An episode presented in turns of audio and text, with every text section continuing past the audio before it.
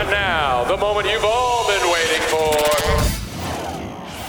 Zapraszamy na MMA Tonight. Witam serdecznie, Marszolkiewicz się okłania, to 227 podcast MMA Tonight Q&A. Przestaliśmy numerować Q&A, bo to bez sensu, wystarczy numerowanie podcastów, a i tak będziemy głównie nagrywali Q&A, także tak to zostawiamy w takiej minimalnie odświeżonej formule, a ze mną dzisiaj Michał Malinowski. Dzień dobry.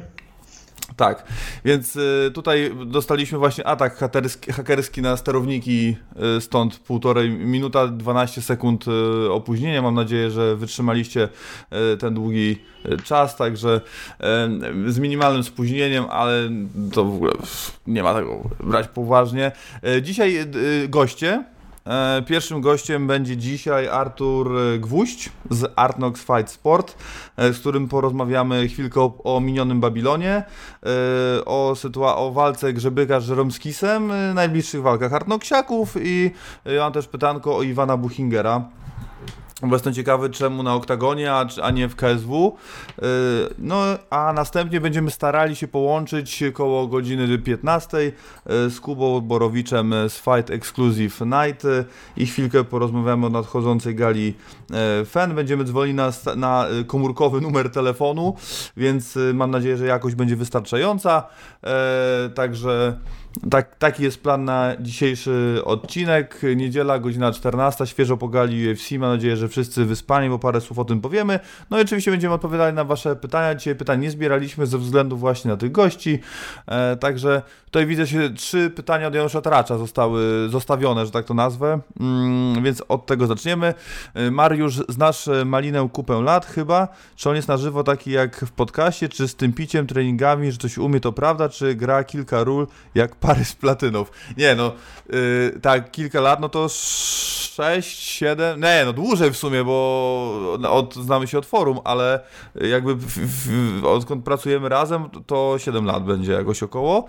No, siedem więc, lat. więc to tak, to jest prawda, natomiast y, y, co do picia, no to oczywiście absolutnie tutaj nie ma żadnych kłamstw, a co do treningów, no to nigdy nie widziałem, no więc nie wiem, to tak jak z potworem z Loch Ness, tak, że tutaj się nie wypowiem, no.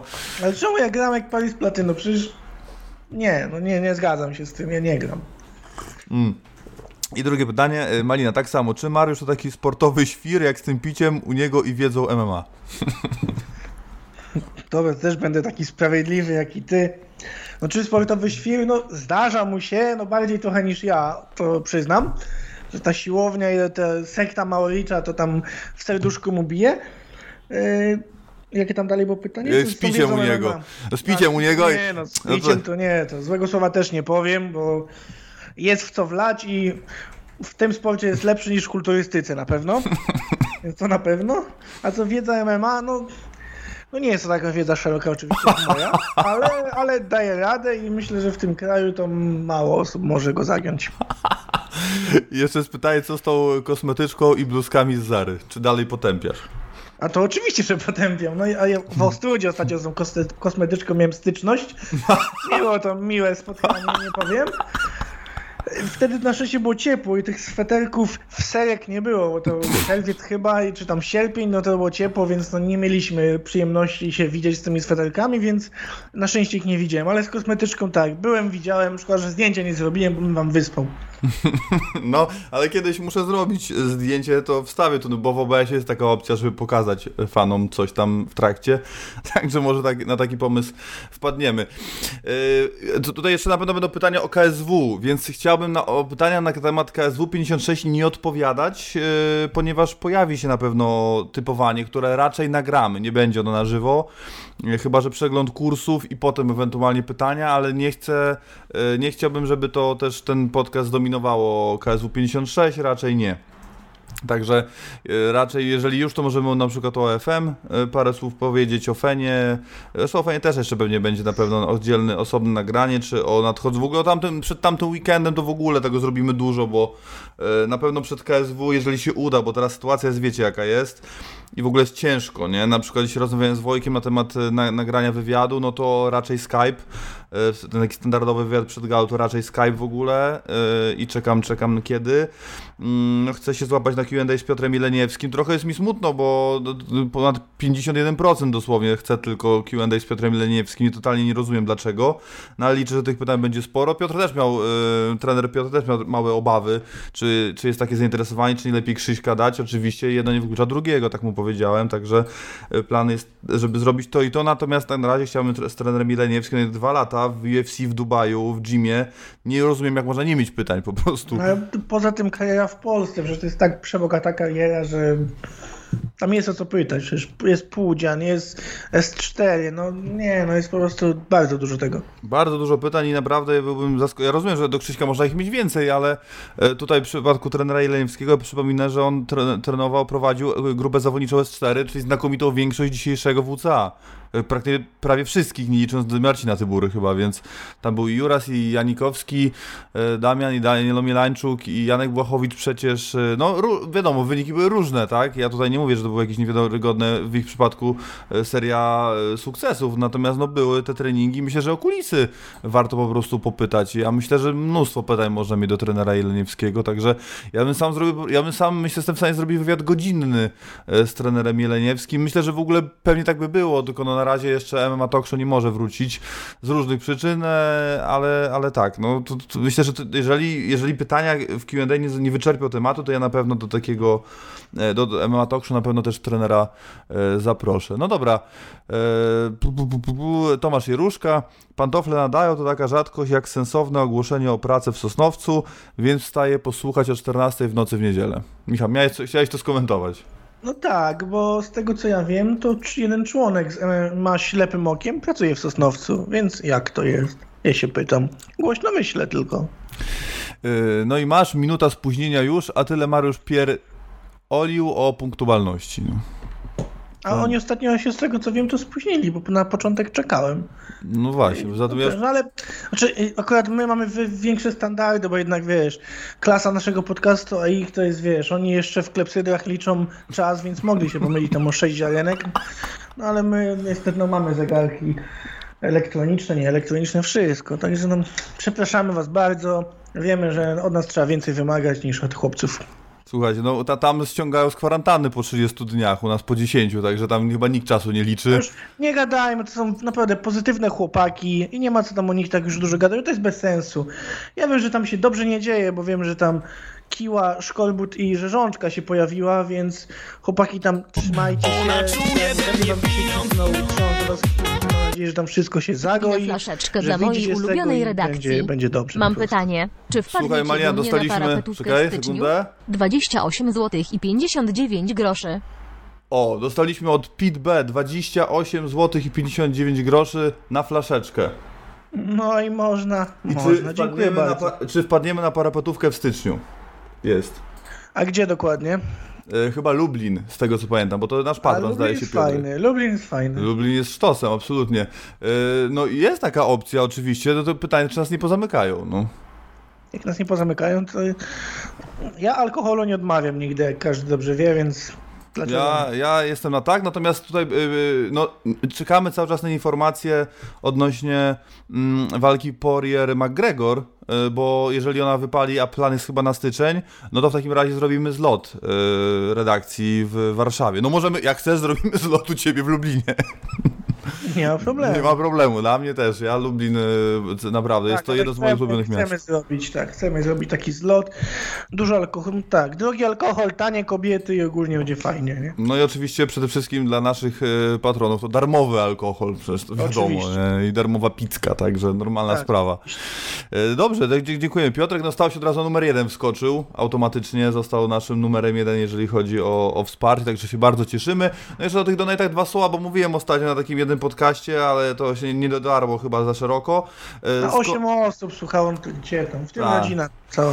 Dlatego skąd taka zmiana, y, to, to zmiana wynika z celu y, a propos laptopa, no ja nie jestem generalnie fanem tego typu zabiegów, natomiast no tak, na każdy sprzęt, czyli mikrofony, mikrofony krawatowe, kamery, tego wszystko, te wszystkie rzeczy to mamy, a jak nie mamy, czy jakieś modemy, routery, to wszystko cały czas na bieżąco aktualizujemy, natomiast no laptop taki jak konkurencja posiada, serdecznie pozdrawiam i żebyśmy mogli z nimi konkurować, e, jeżeli chodzi o szybkość, bo nie chcemy być, to- być najlepsi, to już jakby opanowaliśmy, oczywiście, ale chodzi oczywiście o to, żeby być najszybsi, jeszcze szybsi. E, i chcemy być no, absolutnie pod każdym względem, na każdym polu numer jeden, a z tego co się dowiedziałem, no to tam mają naprawdę e, szatańskie te, szatański ten sprzęt, stąd taki pomysł. Oczywiście, nie uzbiera się, to oczywiście dokładamy i kupujemy sami, nie ma problemu, a jak nas odblokują, bo mówmy się, no ja- na Janka walka najprawdopodobniej będzie dopiero w marcu, a może nawet w kwietniu i nie wiadomo jeszcze z kim, do tego na pewno dzisiaj wrócimy, no to pół roku, no to przez pół roku, a my już mamy na wyjazd y, czy do Abu Dhabi, czy do Las Vegas odłożone, jeżeli oczywiście nie będziemy musieli siedzieć tam tydzień na jakiejś kwarantannie, y, na jakiś, y, tych, tylko normalnie po ludzku 4-5 dni to mamy już, więc nie będziemy na drugi zbierali, póki na je pierwszy nie pojechaliśmy, stąd taka decyzja, żeby uzbierać na coś takiego, jeżeli ile będzie, tyle będzie, resztę jak zwykle dołożymy, nic nie zależy, nic nie, nie, nie, nie, nie jakby, są tacy, którzy czekają 4 lata, żeby uzbierać na coś e, od swoich patronów, e, czy 5 i im się nie udaje i zostawiają to tak jak jest, a my tacy nie jesteśmy, e, po prostu e, jak się uda, to się uda, jak się nie uda, to dołożymy sami, także zawsze fair i zawsze będziemy uzupełniać ten pasek e, o kwoty, które wejdą przez super chat, żeby nie było żadnego naciągania, że zbieramy dwa razy, broń Boże, zawsze transparentnie, uczciwie, zupełnie odwrotnie niż e, niż wiadomo kto. No. Pięć, e, pięć gwiazdek, trzy gwiazdki, e, kto ma wiedzieć, ten wie. E, Dobrze, przechodzimy, na, zaraz dzwonimy do Artura, bo to już 13 po. E, Mariusz, czy powiemy coś o wtorkowej gali w Szczecinie? No tak, no FM4, przede wszystkim to od razu zapraszam do nas na stronę. E, U nas na stronie jest e, banner po prawej stronie i tam jak wykupicie pay-per-view, to możecie wykupić pay-per-view, z naszego linka, no tam do nas wpadnie nam parę złotych z tego, także jak, jak będziecie wykupować, to z tego linka, więc zapraszam serdecznie. Słuchajcie, no dużo amatorów, w sensie amatorów, zawodników, debiutantów, dużo młodych, bardzo młoda krew, no nie ma Michała Materii niestety z racji oczywiście wiadomo z jakich względów, no ale jest Maciek Różański. Ja wam powiem tak, generalnie jest mnóstwo zawodników, znaczy mnóstwo, jest taka trójka zawodników, o których się cały czas mówi w kontekście angażu w UFC, a ja bym się nie zdziwił, jakby to Maciek Ró- Różański w takiej organizacji EFM zbudował sobie e, szybciej tę drogę, no, do kategorii, umówmy się, bardzo biednej w, w UFC, także warto śledzić, parter na mega poziomie, stójka, te, no to już jest kompletny zawodnik, no kiedyś parterowiec z krwi i kości, dzisiaj nadal, ale te płaszczyzny zostały poprawione, naprawdę mega zawodnik. I myślę, że, że jak zwykle będzie tak, że te nazwiska, których się nikt nie spodziewa trafią, no są wyjątki jak Mateusz Gamrot, ale sądzę, że tak może być. No co, no 14.14, także tym razem e, nie chcemy, żeby czekał na nas e, Artur Gwóźdź, Mariusz Kermach, Janek czy Izrael, do tego tematu oczywiście e, wrócimy i na, na wszystkie pytania odpowiemy. Proszę, żeby dać Cię głośniej troszeczkę, także jakbyś mówił troszkę głośniej, Michał, to Dobrze. będą fani nasi, fani, fani, no, no i fani i widzowie ukontentowani, a już wybieram tutaj numer do Artura. Pitbi jeszcze na Caprio porzeczkowe na popitkę 4 zł i 52 groszy. O, dostaliśmy jeszcze na Caprio, Caprio? Chyba na Caprio 4 zł 56 groszy. O, dziękujemy. To się przyda. Tak, bo ja tutaj słyszę pierwsze, o wyskoczyło, już powinno wyskoczyć. Tak, też od Piotrka e, donajcik. Tam oni obcinają troszeczkę te parę groszy z każdego tego, także tak to, tak to wygląda, że niestety nie wpada pełna kwota, którą wpłacacie, ale usunęliśmy wszystkie, które okradają was. Więc tylko tam, gdzie jest 80, 90 czy 100% wpłat, tylko to jest zostawione jest, czyli głównie blik, żeby was tam nikt y, na kasę nie robił. Halo, halo! Witam serdecznie. Witam serdecznie, Arturze, jak zdrówko? No moje zdrowie, okej. W domu też wszyscy zdrowi, także. No to najważniejsze. W takim razie, yy, Arturze, no, ja bym chciał zacząć w ogóle od gratulacji za ostatnią galę Babylon. O, dziękuję bardzo. Cieszę się, że doceniacie. Doceniamy. w dobie pandemii. Tak, natomiast muszę ci powiedzieć szczerze, że skąd to docenienie, ponieważ no, no, spojrzałem na kartę walk, y, no niestety nie mogłem, nie mogliśmy się pojawić, no ale obejrzeć musieliśmy, y, chcieliśmy i musieliśmy. E, oczywiście to pierwsze, najważniejsze, ale e, mówię, no zobaczymy. No, generalnie Fen słynie z tego, że jeżeli karta na papierze nie zachwyca, to potem jest sztos e, w klatce i wy żeście poszli dokładnie w te same ślady. I trzeba przyznać, że ta karta, która była na papierze jedną ze słabszych w tym roku prawdopodobnie, obroniła się w klatce mega. No. Wiesz co, no, e, no takie było zamierzenie. Przede wszystkim ta gala była bardzo robiona pod publiczność w Radomiu. I, tych zawodników z Radomia było tam więcej, po to tylko, żeby po prostu przyciągnąć publiczność i podreperować w cudzysłowie budżet Babilonu. No bo tak zawsze liczyliśmy, że jeśli się to uda. Niestety nie udało się, ale za to zawodnicy stanęli na wysokości zadania i obronili się sportowo. No i takie są te zestawienia. No, mam nadzieję, że uda mi się budować zestawienia w taki sportowy sposób, że będzie Was wszystkich e, zachwycać i że będziecie się cieszyć tymi zestawieniami i będę odkrywał nowe talenty i nowych, fajnych zawodników, o których na pewno byśmy nawet nie wiedzieli, gdybyśmy nie, nie ujrzeli ich na, na takich gal jak na Babilonie czy FEN, bo te mniejsze gale nie zawsze są tak szeroko transmitowane i odbierane jak e, te dwie federacje. Mm.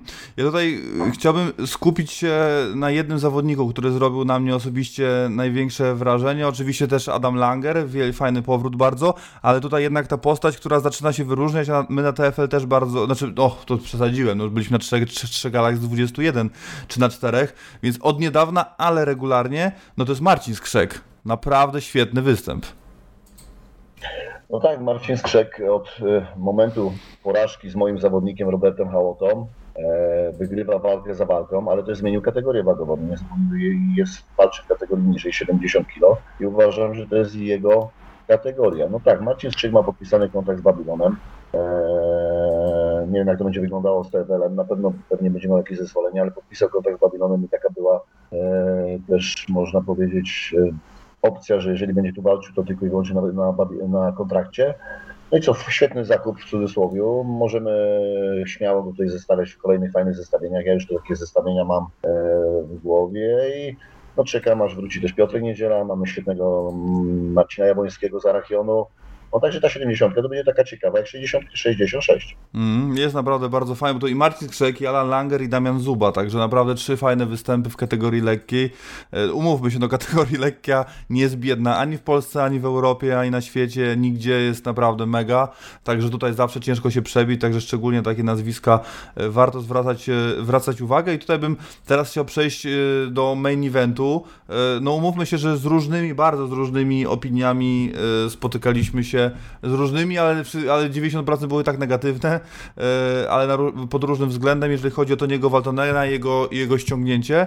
No oczywiście nie będziemy robili teraz e, z żółtaszka e, Narkuna czy, czy, czy Kity, natomiast no umówmy się, że e, no, raczej się nie spodziewaliśmy aż tak dobrego występu Toniego Waltonena, który no naprawdę nie za wiele dał powiedzieć, e, do, nie za wiele dał dojść do słowa Dawidowi. E, No, liczyliśmy oczywiście na to, wszyscy liczyli, że powtórzy sukces Gromdy, w sensie wiedzie i tymi ciosami rozwiąże sprawę i pokaże, że te jego pięści ważą, bo ważą, ale że udowodni to też w MMA, natomiast no tutaj, no, no, no nie chcę użyć słowa, że odbił się od ściany, no ale czy w twojej opinii jest, była szansa na to, aby ten pojedynek po prostu wygrać z Tony Waltonenem, czy no, ze względu na jego te zaplecze parterowe i, ten, i, i, i tą płaszczyznę, no po prostu no, jest półka wyżej i na ten moment jest nie do przeskoczenia. No powiem Ci tak, no, e, spodziewałem się więcej po moim cudzysłowie bracie. E, Już rano na treningu, e, który, o którym w piątek mieliśmy taką rozruchówkę, czy w piątek, w sobotę, w piątek, w piątek, bo to w sobotę nie było gali, tylko w piątek była gala. Mieliśmy rozruch i taką pracę zadaniową, ja z nim przeprowadziłem ją w hotelu Prymus. No i było bardzo dużo braków i wiedziałem, że Dawid nie kuma tak naprawdę tego parteru i się bardzo mocno tego obawiałem, dlatego trzeba było od razu skontrolować game plan i przejść do ofensywy. No a ponieważ to on robił tą pracę, wiedział, że w stójce by był w cudzysłowie zabity, no to e, przyszedł od razu po obalenia, nawet się w ogóle tam nie za bardzo nie, nie szedł w stójkę ani nic, tylko od razu skontrolował. A praca z góry była o dziwo w miarę, e, w miarę mocna, chociaż też Dawid nie kompletnie nie kumał pracy z półgardy, pracy z, e, jeżeli jest w pozycji bocznej. I to było widać ewidentnie, ale też e, nie ukrywam, że Tony mnie zaskoczył też przede wszystkim cardio, tak? No bo Mhm. byłem przekonany, że będzie miał zdecydowanie słabszy. No tak, no tutaj to też było dużym zaskoczeniem. W ogóle dyspozycja Toniego Waltonena była zaskoczeniem, bo no jedna rywal to ra- jedna rzecz, natomiast to jak Toni, Toni wyszedł i na, no ja się spodziewałem, nie ukrywam, że przyjdzie po wypłatę i nie będzie przygotowany, a on naprawdę dobrze się pokazał po prostu. Wiesz co, ja z nim rozmawiałem też, on chce tutaj powalczyć, on chce jeszcze pokazać, on, on mówi, że jeszcze nie, nie, nie powiedział ostatniego słowa i mówi, że utrze jeszcze niejednemu e, polskiemu prospektowi nosa i, i wiesz, i ja bym go jeszcze wykorzystał, tak, jako matchmaker Babilonu, ja bym go wykorzystał, no jest kilka młodych, fajnych chłopaków e, w Babilonie, którzy pną się w tych, e, w tym rankingach, no dlaczego jego nie wykorzystać, jeżeli się pokazał z tak dobrej strony? Tylko wiesz, wszystko też zależy jak, na, jakim, na jakiego zawodnika trafi. Jeżeli na, na, na zawodnika kompletnego, który tak naprawdę e, kuma partner, tak jak w przypadku Dawida, Dawid jest typowo stójkowiczem i to było ewidentnie widać. No i wiesz, i Tony jako doświadczony, cwany lis to wykorzystał i nie dał Dawidowi się rozwinąć i fajnie, chociaż w drugiej rundzie przez moment myślałem, że Dawid wybroni to, ale przyszła jakaś wodza fantazji, chciał wejść Waltonenowi za plecy i kurczę, e, niestety spadł z tych pleców, jakby skoczył do góry, poszedłby do, do stójki, to mogło być ciekawie. No ale no dobra, no już mamy tak, mamy, e, można powiedzieć, gdzieś ten Tony się obronił i można by było go zestawić z takimi zawodnikami jak Filip Stawowy, czy Łukasz Brzeski, czy Kevin Szaflarski, oczywiście e, jak będzie chciał walczyć. Także tutaj akurat, e, no wiesz, no, ja uważam, że e, z dwojga złego, z tej walki, która była słaba w wykonaniu Dawida, no można jeszcze pograć tym Tony Waltonenem. Mm. No zdecydowanie tak, no wygrał, nie odbił się absolutnie i zdecydowanie powinien dostać szansę e, w kategorii, no pewnie ciężkiej, domyślam się, ale to a jest szansa, bo nie pamiętam kurczę ile wniósł na wagę, jak ma być 4, jest szansa na jest 9-3, to już, to już w ogóle nie ma opcji? Nie, raczej nie ma opcji. Już nie pamiętam dokładnie, ale chyba tam było z, z 10 kg różnicy między nimi, czyli ze Mhm. 107. Nie, nie, to wygląda już na takiego, można powiedzieć, pulpecika, także tutaj chyba już do 93 nie wejdzie wachła. Okej, no co do gali y, Babylon 18, no to ja jednak bym na razie chciał to zostawić ze względu na to, że jeszcze będzie cz- czas o tym porozmawiać, to jest jedna rzecz, a druga rzecz jest taka, że no do mnie dochodzą takie słuchy, niestety, że się na sobotę szykuje coś tam e, nie, e, w, w rządzie, że tak powiem, na jakieś nowe ogłoszenie, znaczy nie wiem czy w sobotę, czy tylko czy, od, czy nie od soboty przypadkiem, bo bijemy kolejne rekordy e, pozytywnych testów, także trochę się martwię, więc na razie chciałbym to zostawić i jak już e, i zrobić to dosłownie w Fight Weeku, e, albo dosłownie na kilka dni przed, żeby, żeby po prostu i, i też jak będzie cała karta, a tymczasem jedno jest pytanie z czatu od Pawła Płatka e, a propos Michała Michalskiego, kiedy powrót do klatki, czy w tym roku go zobaczymy? No bardzo chciałbym, żeby Michał Michalski zawalczył w tym roku i robię wszystko, żeby tak było. E, Jak sami wiecie, o, gala KSW już jest ogłoszona, czyli na tą galę nie. Następna e, gala jest w grudniu, przewidziana oczywiście, bo tak jak powiedziałeś przed chwileczką, e, e, minister powiedział, premier rządu, że jeżeli będą te zachorowania rosły, wprowadzi kwarantannę krajową. Tutaj ma być to między 7-14 dni od tego, co wprowadził teraz. Mhm. Czyli tak jak mamy, dobrze liczymy, chociaż różnie jest z rządem PiSu, wypada to, że jeżeli by wprowadzał, to wyprowadzał w następnej soboty. No i mamy galę zagrożoną kolejną. Już tak jak powiedziałeś, też nie rozmawiajmy o czymś, co będzie złe, bo jeżeli to wprowadzą, to wszyscy będziemy na tym cierpieć. Świetny weekend, który był zapowiedziany, czyli gala ICAA, Fenu i Babilonu i Fenu, pójdzie się za przeproszeniem J, nie Mhm. będziemy tego mieli, potem kolejne gale i tak naprawdę nie wiem, ale tak, jak najbardziej y, robię wszystko, żeby Michał Michalski zawalczył jak najszybciej na gali Polski.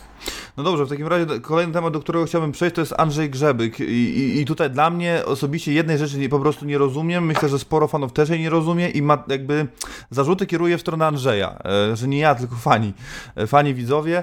E, i, I tutaj na tym, na tym chciałbym się zatrzymać, bo tak, Andrzej Grzebyk nie, znaczy Roberto Soldic chciał mieć, to rozmawialiśmy o tym na KSW. Roberto Soldic powiedział, że potrzebuje dużo czasu na przygotowania do walki jakiejkolwiek, no więc potrzebuje próbuje je mieć do walki z Andrzejem Grzebykiem, natomiast no Andrzej nie chce być w cudzysłowie gorszy, no bo też chce zdobyć ten pas i mieć jak najwięcej czasu, e, no i dwa miesiące to jest za mało, tak to jest z tego co pamiętam, natomiast no, na tej samej gali, na której bije się Roberto, a bije się z Michałem prawdopodobnie dlatego, że nie ma dla niego pretendenta, bije się Andrzej Grzebyk z Żeromskisem i no ja trochę nie rozumiem tego, więc jakbyś mógł przybliżyć skąd, dlaczego tak to wyszło, no bo jest to takie, czyli tak, dwa miesiące, znaczy na, na dwa miesiące na, na Solicza za mało, na Żeromskisa wystarczająco, no jest to trochę takie lekceważenie rywala, no, ja to tak odbieram. Nie, e, nie, nie jest tak i e, zaraz wrócimy do całej genezy tej sytuacji. Jeżeli, jak a pamiętacie doskonale, Andrzej Grzebyk wchodząc do KSW, było też nawet dużo mowy o tym, żeby była walka z Roberto Soldiczem od razu, tak? Mhm. I też by nie było źle. Wchodzi double champ, mistrz, e, dwu- podwójny mistrz Federacji FEN, czyli konkurenta na rynku. Tego. Można było to zestawić i myślę, że nikt z Was, ani też widzowie też by się nikt nie obraził i też by każdy to komentował na swój sposób, ale można było to obronić. No i taka propozycja była. No niestety Roberto Soldic e, potrzebował więcej czasu na przygotowanie pięciorundowe. Jeżeli teraz doszło do takiej sytuacji, Andrzej był po walce z Jakubcem, miał też troszeczkę dłuższe teraz trenowanie, E, Gdzieś e, w planach był ten Roberto Soldic. Jak była ta propozycja złożona, to też po przeanalizowaniu wszystkich za i przeciw, a przede wszystkim po przeanalizowaniu sztabu trenerskiego, wiedzieliśmy, że pięć rund jest to zupełnie inne przygotowania. E, oczywiście zgadzam się z wieloma e, widzami, wieloma ludźmi, kibicami, którzy to oglądają, że no, takich walk się nie odmawia. Też po części tak jest. Ale Andrzej jest bardzo ambitnym człowiekiem i zawodnikiem i on chce wejść do klatki z Roberto Soldicem nie po, e, po to, że nie się uda, tylko z pewnością i z zarzutami do siebie, że nic nie zrobił ku temu, żeby nie, nie wygrać tej walki, tylko że zrobił wszystko. No i taki był plan. A pięciorundowy pojedynek jest zdecydowanie dłużej. Na trzy rundy jest możliwość przygotowania się w taki, a nie inny sposób i e, tu mamy Żeronkisa, a jednak Roberto Soldic jest to pięciorundowy, bo nie zakładaliśmy, no wiesz, jeżeli ktoś zakłada, że wychodzi do walki pięciorundowej, żeby wygrać w pierwszej rundzie, no to znaczy, że przegra tą walkę, tak? No myśmy tego nie zakładali. Myśmy zakładali pięciorundowy ciężki pojedynek z mistrzem. No i w tym kierunku szliśmy. No jeżeli będziemy mieli taki okres przygotowawczy, no to na pewno do takiej walki dojdzie. I, no i taki był plan i taka była sytuacja. Z drugiej strony e, Roberto Soldic już tak nie, naprawdę nie kozaczy, e, bo Michał Pietrzak chciał bardzo z nim walczyć i był do niego tego, a Roberto nie chciał z Michałem Pietrzakiem walczyć. Michał Pietrzak mu nie leży i, i z drugiej strony też Michał wygrał, dostał szansę tego, też można było zbudować pe pewną historię i też nie pasuje. Także to nie jest tak do końca, że wszyscy tu są fajnie, pięknie, jak się komuś coś składa sytuacja. To też nie ukrywajmy, że no, mistrz jest mistrzem, mistrzowi można, mistrz może wiele rzeczy robić, ale no pretendenci też tu się mocno dobijają i, i taka jest opcja. Mm, No czyli no dobrze, no to czyli do mnie trafia ten argument tych rund, tych dwóch rund różnicy, no to ma sens, tak. Mariusz, no i prosta rzecz. Mamy pięć rund, to są trzy rundy. Trzy rundy są zupełnie innymi przygotowaniami Mhm. niż pięciorundowe. Trzeba wydłużyć okres e, budowania wydolności tlenowej, bud- budowania wydolności siłowej i tego wszystkiego, co jest spowodowane na to, żeby organizm e, był na, przygotowany na pięć rund. No niestety trzy rundy są zdecydowanie lepiej. Trzy rundy można wziąć z biegu czasami, jeżeli się jest tylko w normalnym takim okresie przygotowawczym albo w jakimś ok- okresie, w którym normalnie człowiek trenuje.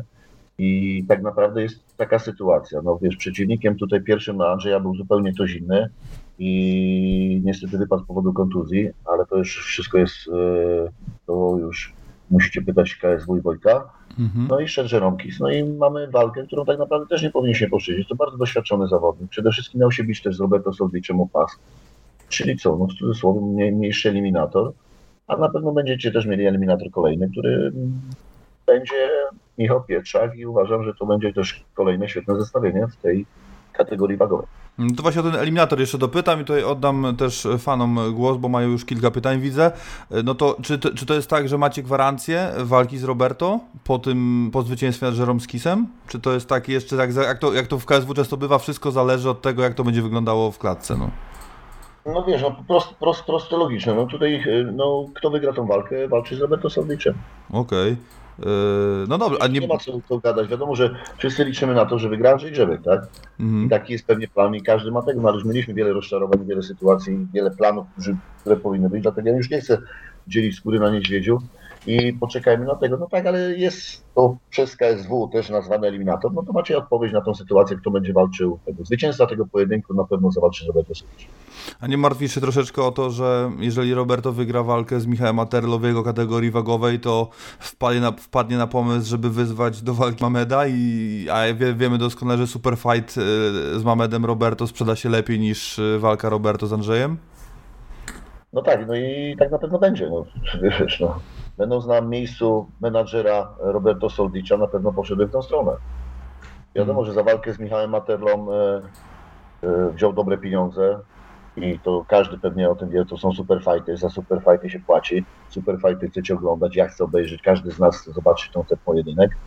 Z wielu zawodników tutaj, których 84 może śmiało jeszcze z tego. No, no, oczywiście, no walka po wygranej z Michałem Materlą, z legendą, tylko nie, ja bym nie spisywał Michała, to ja uważam, że Michał nie, no to wiadomo. bardzo pięknie ukrzyżować i tego mu życzę. Ale tak naprawdę nie. e, Wiesz, no Roberto ma dobry pomysł. Ja z nim rozmawiałem przed e, tego i mówił mi o tych superfightach, bo rozmawialiśmy, pytałem się, kiedy walczymy i tak dalej, i tak dalej. I akurat, e, wiesz, no to jest dobry pomysł. No wiesz, no tylko też to nie jest prawdą, że nie chce nikt z nim walczyć w 77 albo nie ma oponenta, no bo jeden cały czas tam czeka i się domaga, no ale no też nie leży Robertowi. Z drugiej strony się nie ma co dziwić, bo na Wembley Michał Pieczek napsuł mu dużo krwi, tak?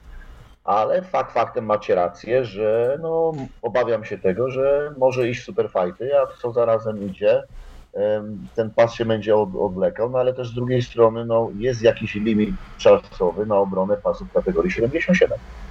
To prawda, to prawda. No, ja generalnie... Jeżeli ten limit czasowy jest, muszę, musimy zobaczyć na, na dokumenty, przede wszystkim na, na, na e, reguły KSW, no to wtedy będzie, będzie zmuszony do obrony kategorii 77. I zresztą takie mam od niego też zapewnienie, że zawalczy tutaj, później będzie bronił pasa 77. No to wiesz, może, może tak być, ale jak wygra, no to też może mu przyjść różne plany. No i taka walka z Mamedem Halidowem, no to uważam, że jest sztos nad sztosy, jeżeli by wygrał. Tak? Mm, no oczywiście. No tutaj, no, tak naprawdę najlepsza sytuacja była, ja to jestem jednak fanem tego, żeby każdy bronił swojego pasa, e, no ale wiadomo jak to wygląda w, w praktyce, tu akurat tutaj tu mamy starcie nie o pas e, w, w kategorii innej niż Roberto, także powiedzmy, że to jest troszeczkę inaczej, też rozumiem trochę to dlatego i nie mam z tym problemu, po pierwsze dlatego, że jest fajne zestawienie, po drugie dlatego, że w 7-7 jest czas na to, aby wyłonić, dzięki tej walce, czas na to, aby wyłonić jasnego, klarownego, przygotowanego w pełni pretendenta, także akurat tu to jest ok, no tak jak to mieliśmy też w 9-3, także no w 9-3 tych zawodników jest Tak, no, kilku. Nie zapominajmy, że jest też Tomek Drwal, y, który pokazał się z dobrej strony i, i też tutaj będą ciekawostki tego. Jest przede wszystkim też Cezary Kęsik w tej kategorii, No tak, który tak, tak. tak naprawdę dawno nie walczył, a jest młodym, gniewnym i chce się bić z najlepszymi. No także tutaj uważam, że tu, tutaj jeszcze w tym 84 na rolę pretendenta tego. Mamy Abusa, który e, też nie dostał jeszcze szansy, a z tego co mówimy jest bardzo dobrym zawodnikiem. Jedynie tylko nam wypada Durajew, który który tak naprawdę już nie jest zawodnikiem, z tego co mamy informacje, to chyba już nie jest zawodnikiem e, KSW, czy po prostu dostał zgodę na inne walki. Także tutaj w 84 będą bardzo ciekawe rzeczy, ale zgadzam się, że różnie to może być, jeżeli e, poczuje krew i, i wygra tą walkę i to będzie wyzywał na 100% Mameda do pojedynku. No i taka walka będzie świetna, ale z drugiej strony no to też pojawią się za przeproszeniem szanse na to, żeby e, tymczasowy pas e, powędrował na biodra Andrzeja Grzebyka w kolejnej walce lub w kolejnych walkach. Mhm. No tak, jest też taka opcja, ja jednak bym wolał, żeby to ten tymczasowy pas nie był, chociaż jest on gwarancją zawsze walki o pas, ale O, dokładnie. Ja bym bardziej w tak, takim kierunku to patrzył. Tylko z drugiej strony ja mam ciężki ból głowy, no bo ja tam w tym 77, no to, to mam samych pretendentów. no tak, Michał Michalski przecież jest po dwóch zwycięstwach. No Michał Michalski po dwóch zwycięstwach, wrócił, zmienił klub. Eee, od, można powiedzieć, że dostał drugie życie teraz. Eee, świetną robotę tam robią i z Danielem Skibińskim, z Kamilem Oniszczukiem, zresztą brygady Ankosu. Także no, będzie nowa wersja Michała Michalskiego i tak naprawdę eee, masz rację, no, Michał Pietrzak, Michał Michalski. Jedynie Krystian Kaszybowski nam tam gdzieś koliduje między nami wszystkimi, no i do takich pojedynków musi dojść, także wiesz, czy Michał Michalski, czy Michał Pietrzak, to na pewno bo takie pojedynki na pewno się pojawią, a też poczekajmy na to, co się wydarzy e, w następny weekend. Oby się wydarzyło i oby ta gala KSW doszła do skutku. No i poczekajmy na zderzenie walki e, Andrzeja Grzebyka Żeromkisem. Dokładnie tak. E, Dobrze, w takim razie wiem, że tutaj Michał jeszcze chce zadać, e, zadać dwa pytania, ale zanim do Michała przejdziemy, to jeszcze e, chciałbym na czat, żeby mi te pytania nie uciekły, więc jest pytanie, czy były rozmowy o walce Magdy Loski z Ewą Piątkowską, o walce z MMA, walce z MMA, jak udało się Ewę namówić na walkę w boksie z Różą Gumienną? No to pytanie, czy ty w ogóle przy tym uczestniczyłeś, bo chyba, nie, chyba tutaj Kiwen myli organizację. Nie, nie, no y, rozmawiamy o, pewnie o tym, że y, menadżer e, Magdalowski, czyli Artur Staszewski próbował takie zestawienie tam z Tomkiem Babilońskim gdzieś dograć MMA w Babilonie. Były takie jakieś tam zakusy, wiem, że były rozmowy, ale do takiego pojedynku na razie nie dojdzie. Mamy dwie kobiety MMA i nam w zupełności starczą. Jest to Róża Gumienna, której będziemy zawsze szykować jakieś fajne przeciwniczki, co jest bardzo trudne. No i Olga Michalska. I na razie na tym etapie e, zamykamy. Chyba, że wiesz, przyjdzie jakiś fajny pomysł, który można będzie zestawić, który pod, e, podniesie wartość e, Federacji Babylon, to na pewno będziemy o tym myśleć. Jasne, no i tutaj, żeby, żeby tylko wyjaśnić, e, żeby była jasność, nie jesteś jeszcze matchmakerem Polsat Boxing Night i Ewa Piątkowska, Róża Gumiena to nie jest twoja robota. A kto wie? nie, nie, nie, nie. Wiesz co, ja od boksu jestem daleki, chociaż nie ukrywam, że mamy tutaj kilka zakusów i kilka rozmów i na pewno e, Przemek czy tam Tomek e, czasami rozmawiamy o jakichś tam walkach, które ja bym widział, że jeśli można by było zestawić, jeśli chodzi o zawodnika stricte z boksu stricte MMA, albo świetnego jakiegoś kickboxera, zawodnikiem bokser, boksu. Także no wiesz, no fajnie, że czasami jest też zapytanie do mnie o takie rzeczy, no to ja się bardzo cieszę. Mhm. Jest pytanie kolejne. y, mm, Jak Ci się podobał występ Karola Kutyły? Po porażce z Kaczmarczykiem już trenują ze sobą, widać spory progres. Z kim byś go widział? Śmiłowski, Gutowski. Przerywasz mi, Już, już powtarzam, w takim razie teraz lepiej słychać? Teraz lepiej, tak? Teraz lepiej. Y, Jest pytanie, jak podobał Ci się występ Karola Kutyły? Po porażce z Kaczmarczykiem już trenują ze sobą i widać spory progres. Z kim byś go widział? Śmiłowski, Gutowski. Takie propozycje. Yy, yy, Karol Kutyła, naprawdę fajny występ. Przede wszystkim bardzo twardy zawodnik. I tutaj akurat na pewno będziemy go chcieli zestawić. Uważam, że Śmiałowski jeszcze nie. Yy, Krzysztof Gutowski, no to przede wszystkim najważniejsze pytanie, kiedy będzie zdrowy. Yy, I wtedy na pewno ja już mam takie zestawienie, to zestawienie chciałbym zrobić od razu. No to jest Dawid Śmiałowski kontra Krzysztof Gutowski. To zestawienie cały czas się odwleka z uwagi na y, chorobę, chorobę, na zdrowie Krzyśka Gutowskiego, ale no, no myślę, że może dojść. No ale wiesz, no jest Karol Kutyła, no ja mam dla niego przeciwnika tutaj Huber Lota, jak najchętniej bym mógł sprawdzić. Y, Dwa odmienne style, tutaj tajski boks, y, taka praca stójkowa, tu jednak dobre zapasy i Grand Pump zapaśniczy, także no, wiesz, no, ta kategoria 67 y, jest jeszcze przecież przede wszystkim Katczak, y, też po fajnym pojedynku z Lotą. No, Mamy tu kilka tych zestawień, które naprawdę może obdarować. No i wiesz, jedna walka e, jaskółki, jedna jaskółka nie czyni wiosny, także tutaj musimy też e, poczekać. Uważam, że druga, druga walka Karola Kutyły na pewno będzie go zbliżała ku tym lepszym pojedynkom, większym pojedynkom, a na razie świetny występ, bardzo mi się podobał i jestem jak najbardziej na tak na tego zawodnika. Kolejne pytanie jest o Brzeski Waltonen. Czy mimo, że kibice tego nie chcieli, to po walce Waltonena jest powrót do takiego pomysłu? Jest kilka po- pomysłów tak naprawdę na tą wagę ciężką. Przede wszystkim Łukasz e, musi zaleczyć tą niefortunną e, kontuzję złamanego nosa, która się odnowiła drugi raz, no więc e, tutaj już teraz trzeba będzie troszeczkę podmuchać e, mocno i poczekać aż naprawdę już będzie ok, żeby mógł sparować i doprowadzić formę do ok. Wiesz co, no e, zobaczymy. Ja bym chciał wrócić do tego pojedynku, który miałem w głowie, który chciałem zestawić, który miał być walką o pas w kategorii ciężkiej. Czyli mówimy, tu też nie będę krył, już to raz powiedziałem, czyli to był Łukasz Brzeski Stuart Austin. Mhm. I, I taka walka e, miała być numerem jeden i na taką walkę nawet będę chciał doprowadzić. Wszystko to zależy, czy UFC porwie tego Stuarta Austina w końcu do siebie, czy jednak e, e, jeszcze uda się to w, następnym roku zrealizować. Jest pytanie o Twoich zawodników i tutaj na początek yy, było Kincl i Barborik. Co z nimi? No co, e, Patryk Kins wraca. no mam nadzieję, że zobaczymy go w tym roku. Cudownie. E, no, bardziej też chyba- 7-7 czy bardziej 8-4 liczyć? Mm, Chyba bardziej 84 kg, chociaż y, Patryk to jest taki 84, jak pójdzie zrobić kupę za przeproszeniem. to ma 84, czyli tak jak Andrzej walczył całe, cały czas w 84, on jest mały jak na 84, ale też to doskonale daje radę i te swoje najlepsze walki właśnie ma w takiej kategorii. Także tutaj akurat e, myślę, że ta walka jeszcze w 84 kg. Myślę, że zobaczymy go w tym roku, ale no, poczekajmy też wszystko, co się wydarzy jak to No będzie. jasne. Ja naprawdę jestem kłębkiem nerwów z uwagi tego, zresztą pewnie każdy z nas, fanów MMA i, i ludzi, którzy coś organizują albo coś mają zaplanowane, bo ja już kartywal na Babylon mam zaplanowany, yy, mam trzech zawodników teraz na KSW, także no, no nie ukrywam, że yy, cały czas się mocno denerwuję i to, co prowadzi rząd, ale już uciekajmy od tego sytuacji. Tak, Patryk Kings mam nadzieję, że zawalczy w tym roku. Co do Wojta Barborika, no to mieliśmy troszeczkę pozasportowych problemów. E, mogę już o tym śmiało powiedzieć, bo Wojto Barborik e, po śmierci e, ojca i potem też chyba w jednym okresie też mama i niestety była, był efekt depresji, depresji.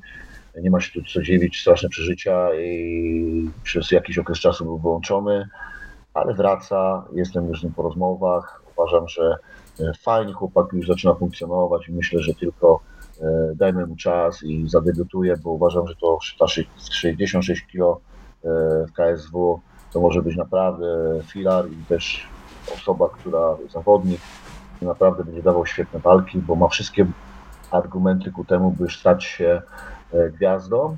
Przede wszystkim on e, na Czechach i Słowacji jest e, nawet porównywalny, albo nawet już nie tyle co porównywalny, tylko mówione, że to jest lepsza wersja Iwana Buchingera. Y, No i to jest pytanie w takim razie, jaki jest status Buchingera w KSW, no bo wiadomo, wiemy doskonale, że będzie walczył 21 listopada na gali Oktagon w Brnie, ale jak, czy to jest kwestia tego, że nie ma pomysłu na jego w KSW i stąd walka w Oktagonie, czy najpierw była walka w Oktagonie, a potem jak to wyglądało tutaj? Już powiem, e, jak to wygląda. Myślę, że tutaj KSW nie będzie miał z tym tego, że coś takiego zdradziłem. Co? Eee, Iwan Buchinger jest po mocnej kontuzji w lutym przed tą walką. Eee, doznał kontuzji barku, jest po operacji, jest po rehabilitacji, wraca do sportu.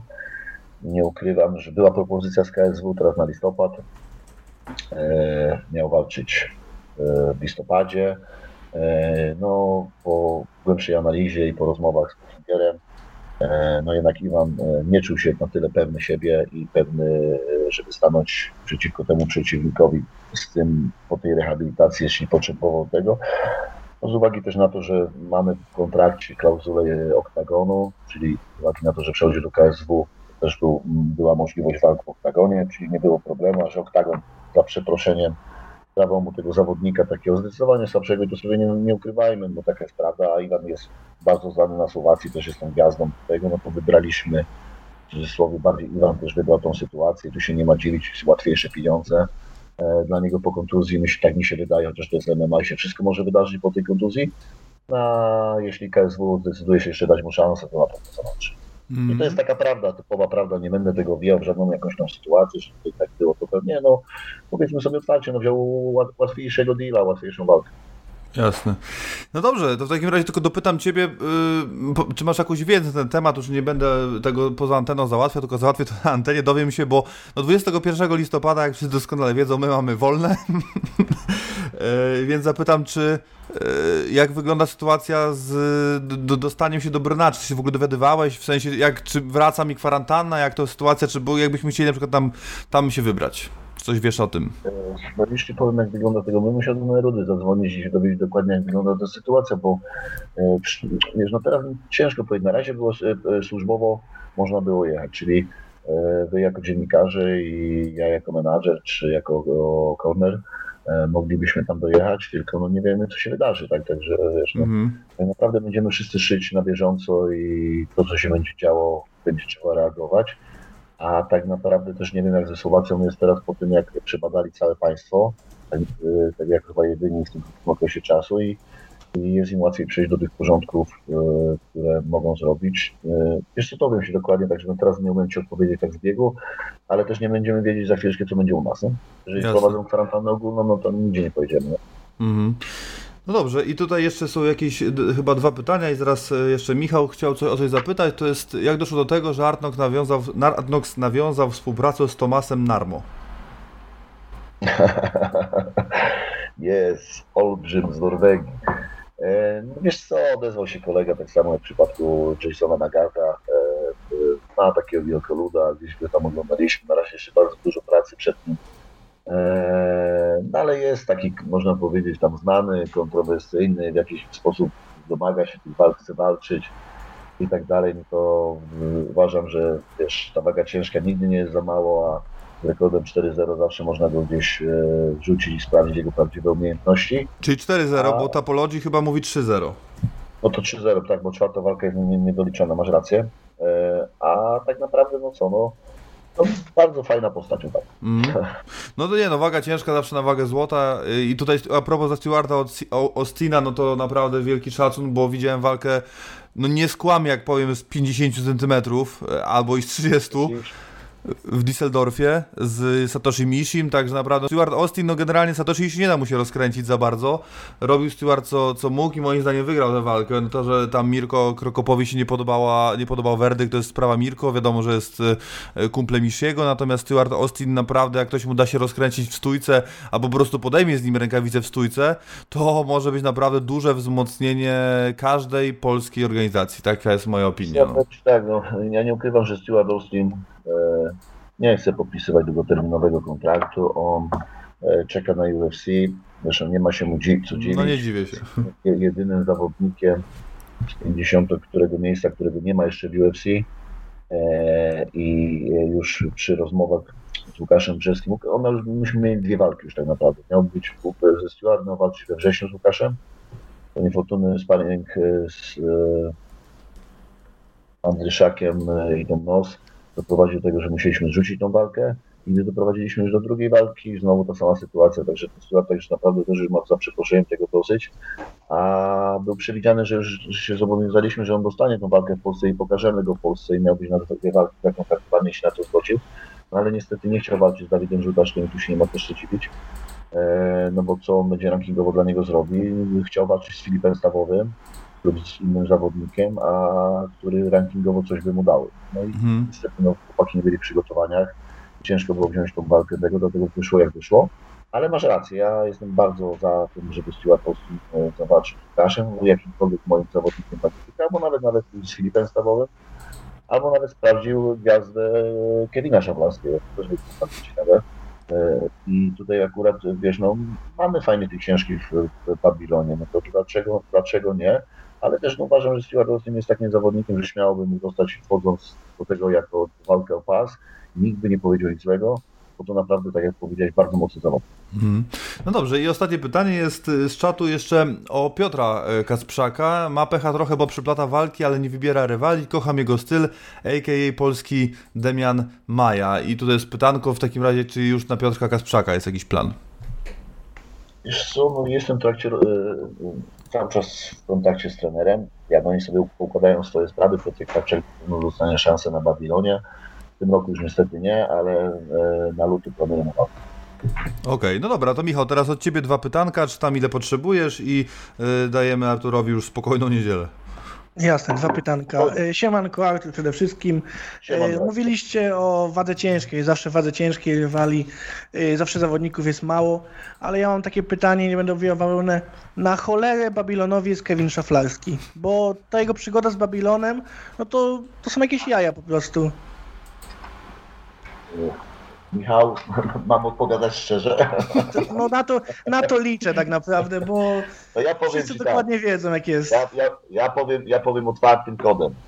Otwarty kod, jaki jest. Zgadzam się z Tobą w 100%. Na cholerę nam Kevin Szaflarski, który tak naprawdę e, nie wiem, co chce. Nie wiem, co chcą jego menadżerowie, nie wiem, co chce jego trener. E, bo tak naprawdę sam, no nie wiem, no, było prosta rzecz. Dostał, przyszedł do Babilonu.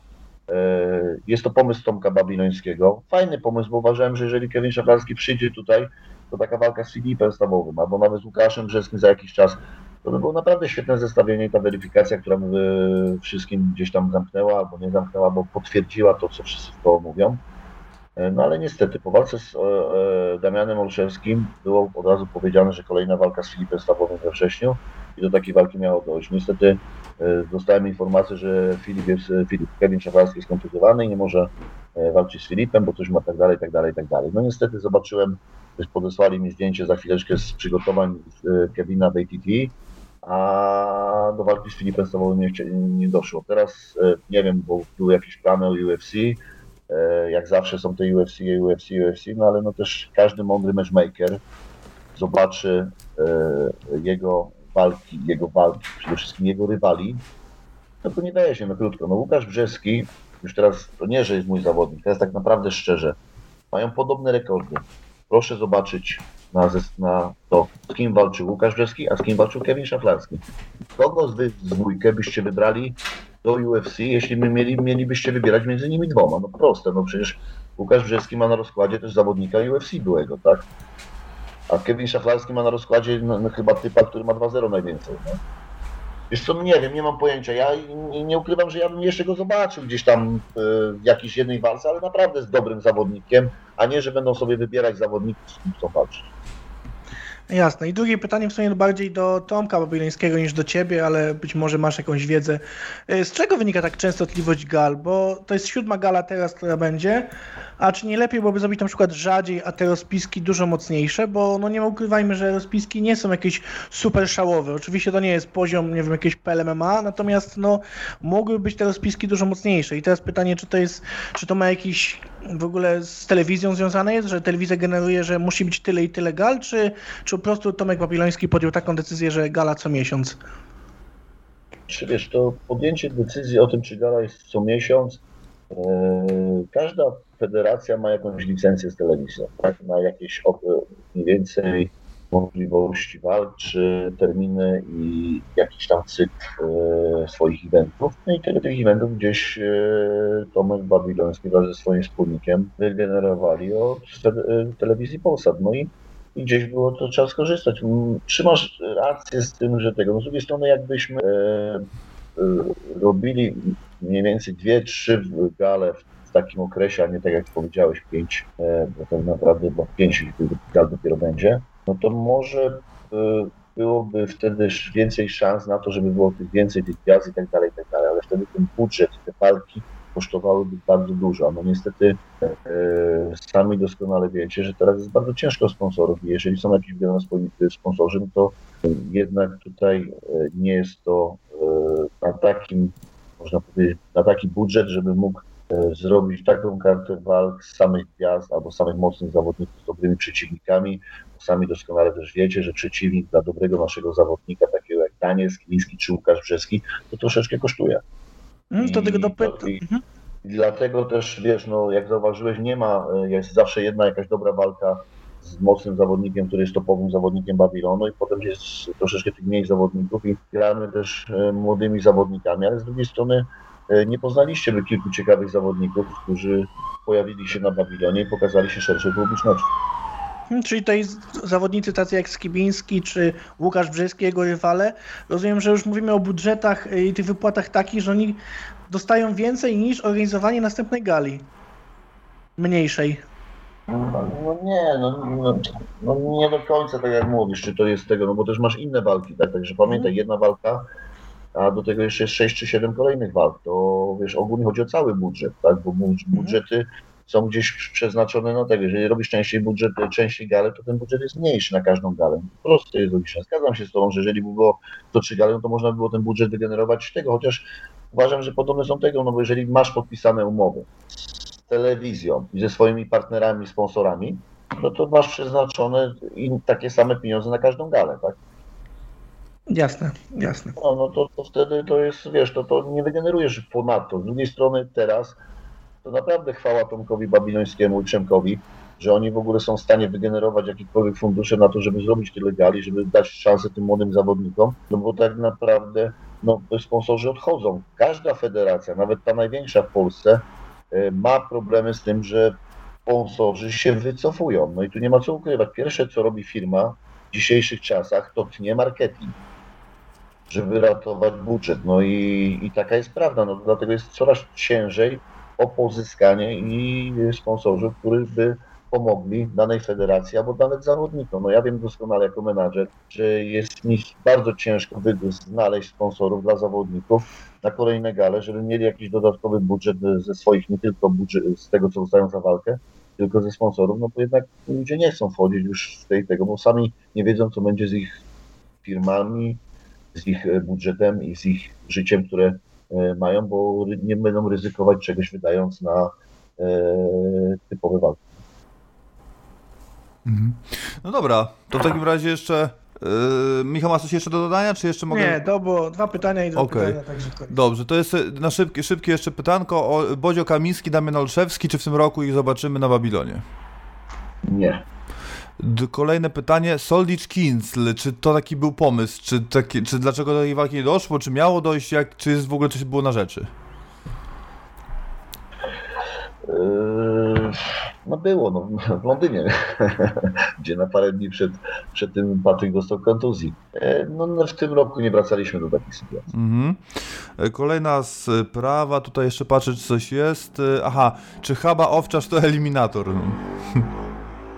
Eliminator o co? No chyba, no właśnie tak się tak zastanawiam. Do walki o pas, y, tylko że po drugiej stronie nie ma drugiego eliminatora. No, ale no pytanie jest, jest, jest, jest pytanie, to czytam.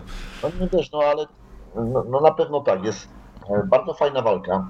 Justyna Haba jest naprawdę e, bardzo mocną zawodniczką w tej kategorii wagowej. Też e, nie ukrywam, że taka walka między Karoliną, która to naprawdę Justyna to będzie też bardzo mocnym sprawdzianem i dla Justyny i dla Karoliny, to jak najbardziej tutaj może być to wyłonienie jakiejś tam e, zawodniczki, która może się śmiało domagać po tej walce e, walki o pas, tylko z kim? No to trzeba było znowu zatrudniać kolejne zawodniczki. No przede wszystkim no KSW będzie musiał podbudować troszeczkę tę kategorię wagową innymi dziewczynami w tej kategorii wagowej, tak samo w mniejszej kategorii wagowej, jeżeli chcesz za jakiś czas zrobić walkę o pas. Mm. No dobrze, w takim razie co? No od nas wszystko, Artur, dziękuję Ci bardzo za poświęcony czas e, i za te kilkadziesiąt minut e, dla nas. No ja przede wszystkim życzę zdrowia, życzę spokojnej głowy, zero nerwów, e, a na Tobie i nam wszystkim życzę tego, aby nas ten e, drugi lockdown ominął i żeby e, wszystko, wszystko szło w dobrą stronę i żebyśmy na końcu świętowali i w święta byli szczęśliwi i spełnieni w tym roku i też w Sylwestra świętowali, pożegnali ten rok, bo no, jedyną, jedną z niewielu osób, która, dla której to był udany rok jest Jan Błachowicz w polskim MMA, dla całej reszty jest taki w kratkę, także e, tak to zostawmy i jeszcze raz Ci dziękuję i do usłyszenia. Ja również też dziękuję i dołączam się do Twoich słów. Jak najbardziej pamiętajmy o tym, że e, i, idą, są złe czasy i tylko wybierajmy te fajne rzeczy, które tego i miejmy nadzieję, że będziemy mieli możliwość, e, jakby to powiedzieć, korzystania z tych dobrodziej, jak, jakim jest Sylwester i inne rzeczy, żebyśmy mogli się chociaż troszeczkę odstresować od tego chorego świata, ale jak najbardziej pozdrawiam i mam nadzieję, że zobaczymy się na kolejnych galach i to jeszcze w tym miesiącu i w tym roku i tego sobie życzę i Wam, drodzy widzowie. Pozdrawiam serdecznie. Tak jest, pozdrawiamy. No dobrze, to sporo się dowiedzieliśmy chyba. Ostro i szczerze, można powiedzieć. Ostro i szczerze, tak jest, no tak jak, tak jak, tak jak lubimy.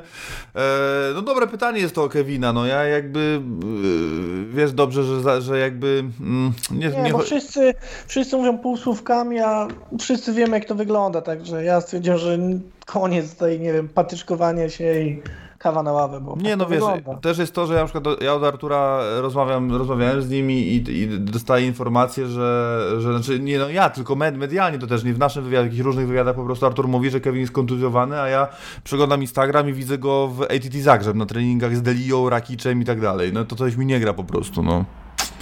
Co mam powiedzieć, także e, składam fakty i te fakty się nie składają, spój, nie są spójne, no dlatego, dlatego tak to wygląda jak wygląda. Dlatego dobrze, dobrze, no musi, też nie, nie możemy, ja, ja po prostu nie rozumiem, ja po prostu troszeczkę nie wydaje, wydaje mi się, że jest wielu zawodników i, i też zawodniczki, które uważają, że mają jeszcze dużo czasu.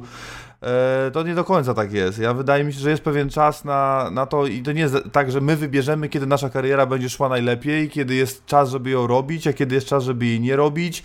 Jednak jestem osobą, która uważa, że czasami trzeba kuć żelazo póki gorące, iść za ciosem i, i, i za- zawodnicy, którzy to wykorzystali i świetnie im to wyszło. E, tu wydaje mi się, że ktoś czeka na gwiazdkę z nieba, a ona może nie przyjść. No. Tylko to jest tak, jak mówił właśnie Artur, że ktoś chodzi na Topology, widzi powiedzmy, nie wiem, 8-1, wszystko fajnie wygląda, ale osoby, które angażują do dużych federacji zawodników, to one oglądają walki i patrzą na rywali przede wszystkim. One nie patrzą tylko 8-1 na tapo, bierzemy. Nie, no tam jest dogłębna analiza, a sorry, jak masz jako taki, a nie inny i to... Ale dobra, no każdy każdy niech sobie wejdzie, zobaczy i sam oceni, bo szkoda czasu naszego. Dobra, to ja się cofnę i zaraz będziemy dzwonili do Kuby, bo tu już 3, 15, obiecałem, że koło 15 będziemy dzwonili. E, czy tu były jeszcze, chyba głównie do Artura były pytania, nie, jeszcze tutaj przejrzę. A, a, a, a, a czy coś jeszcze Głównie było? były do Artura, tak, bo ja tak patrzyłem na czat. Tak, tutaj wiem, że e, kurczę, Mariusz Kernbach e, pytał nas chyba o coś tutaj. Mm, mm, mm, ale muszę się cofnąć, kurczę, patrz, przeglądam, przeglądam, żeby też nie ominąć.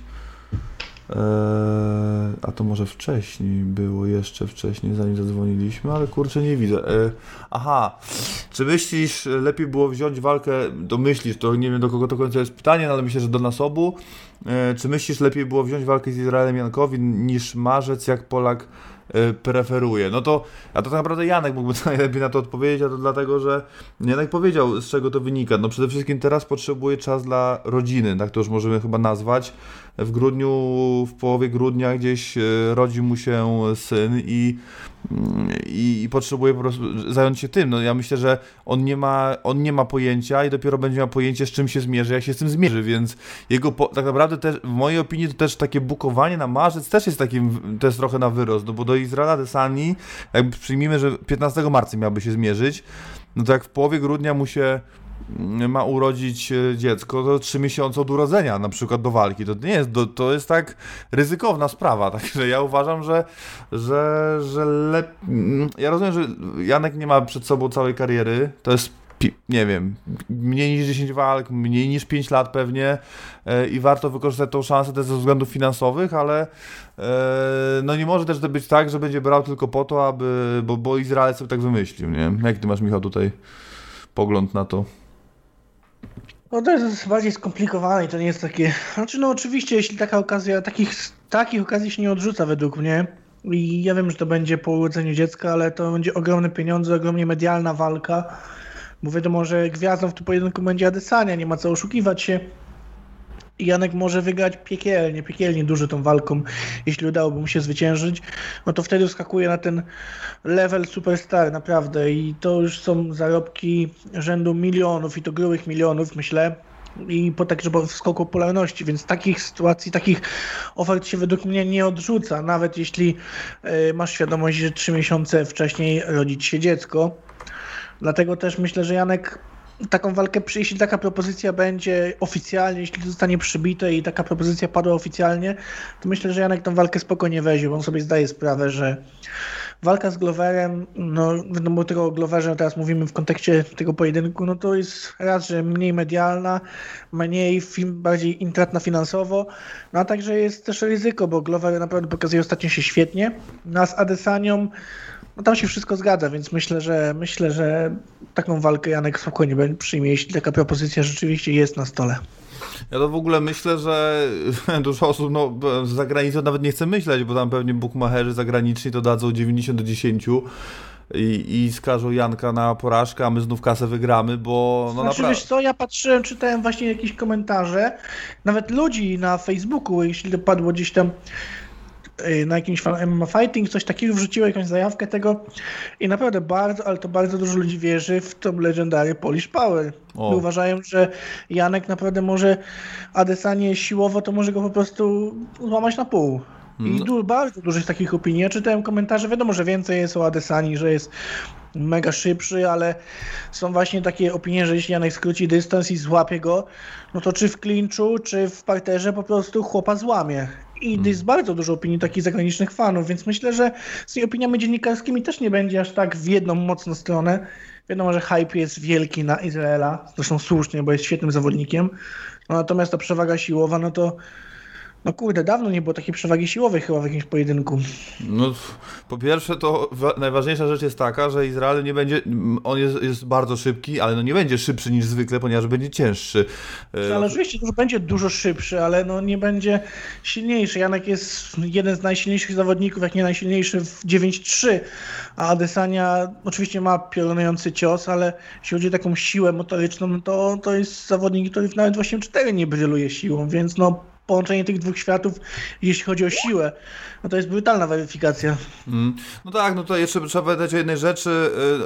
y, y, Izrael Adesanya jest bardzo szybki i no, jest bardzo precyzyjny przede wszystkim, bo szybkość to jest jedna rzecz, ale jest bardzo precyzyjny i bardzo celny e, i tego bym się bał bardziej, natomiast no umówmy się, no, Janek już tyle razy pokazał, że potrafi z kontry ustrzelić, że tym razem wystarczy po prostu pójść po obalenie.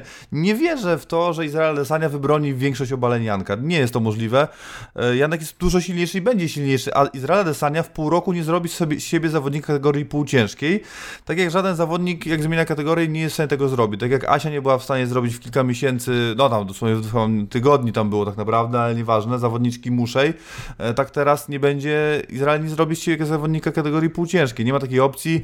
E, Janek idąc po obalenie, praktycznie każde obalenie nawet mocno, mm, mocno sygnalizowane może po prostu być nie do przejścia dla Adesani i wydaje mi się, że tutaj e, największa bronianka to będzie jego siła.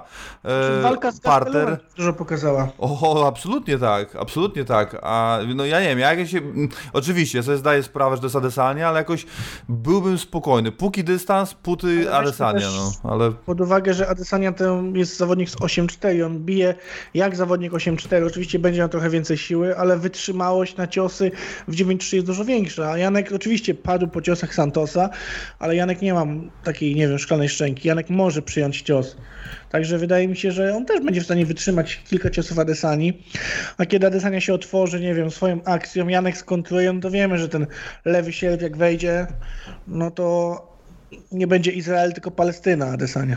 No nie, mówmy się, ja już powiedziałem już 100 razy, 100 razy powtórzę 101, nie można sobie chodzić po, te, po tych kategoriach i zabierać ludziom pasy, tak samo jak nie wierzę w Jonesa w ciężkiej, e, w większości, pewnie nawet w większości pojedynków, no może, no może nie w większości, ale bardzo w wielu, mówię oczywiście top, top 15, tak samo tutaj Adesani nie widzę w ogóle e, w starciu, ja rozumiem jakby on by sobie poszedł do 7-7, ale nie do 8-4, e, do 9-3, przepraszam, także on jeszcze mówi, że Jonesa w ciężkiej zrobi, to już w ogóle, w ogóle że Jonesa zrobi, mnie bawi bardzo, ale y, to, że w ciężkiej go zrobi, to już w ogóle jest hit. Dobra, y, dzwonimy do Kuby Borowicza, bo to już 15 wybiła, a tutaj muszę, muszę y, wstukać numer, więc zaraz Mów zobaczymy. głośno. Tak, zaraz zobaczymy jak to jak to zrobić, y, ale powinno się udać. O, pyk, klawiatura numeryczna i zaraz tutaj Oho, to sobie wstukałem, dobra, czekaj, muszę wziąć telefon do ręki. Wstukiwałem sobie, zapisałem w kontaktach, ale tutaj nie za bardzo umiem z tego korzystać teraz, więc musicie mi wybaczyć. E, nie, do Afganistanu nie będę dzwonił dzisiaj. Nie, dobra, mam numer. Więc będzie tak, plus 48. O, słychać jak wybieram. A jest Kuba, dobra. I dzwonimy. Mam 30 zł na koncie, może się uda. E, Zobaczymy. Doładowałeś tego taktaka. Doładowałem tak taka, no. Halo, halo. Czy nas słychać? O, Kuba, no już słyszę coś, y, słyszę, słyszę, ale czy głośniej da radę? Coś? Słyszymy, się- słyszymy się już chyba bardzo dobrze, z tego O. co wiem. Tak, dobra, super, bardzo się cieszę. Y, Kuba, w takim razie zapytam, jak zdrówko? Zdrówko bardzo dobrze, teraz y, zdrowie mentalne, było ćwiczona niedzielka rodzinna, spacerek tutaj w, w okolicach, ale tak naprawdę też odpoczynek przed, y, no nie ma się co oszukiwać, ciężkim, ciężkim czasem, te 20 dni teraz, to, to będzie czas wytężonej pracy, także zdrówko dopisuje i, i całe szczęście, troszeczkę więcej siedzenia w domu, troszeczkę mniej wyjazdów, aczkolwiek to za chwilę się zmieni, no bo, no bo zostało 20 dni tak naprawdę do, do gali. Dokładnie, więc w takim razie powiedz, co, jak wstajesz rano, y, sprawdzasz telefon, o co się boisz najbardziej w tym momencie? No, y, każdy chyba z nas y, boi się o jedną rzecz, że za chwileczkę nie będziemy mogli wychodzić z domu i mam kolegę, który prowadzi swoją działalność, mam drugiego kolegę, który jest menadżerem w knajpie i każdy tak naprawdę sprawdza to wszystko, co się może wydarzyć za, nie wiem, za 10, za 20 dni, za, za 5 dni, w każdym momencie tak naprawdę. Nie ma przesłanek ku temu, żeby gala FEM 31 miała się nie odbyć na ten moment, aczkolwiek żyjemy w tak zwariowanych czasach teraz, że jeżeli ktoś by powiedział nam za 3 dni, że to się zmieni, no to trzeba to po prostu przyjąć z pokorą, bo już taka sytuacja była i, i gdzieś tam ten czarny sen każdemu nad, nad głową wisi. Mm. No codziennie, znaczy codziennie, co tydzień, co kilka dni jakieś tam nowe obostrzenia wchodzą e, na bieżąco, natomiast no żadne nie dotyczą wydarzeń e, sportowych.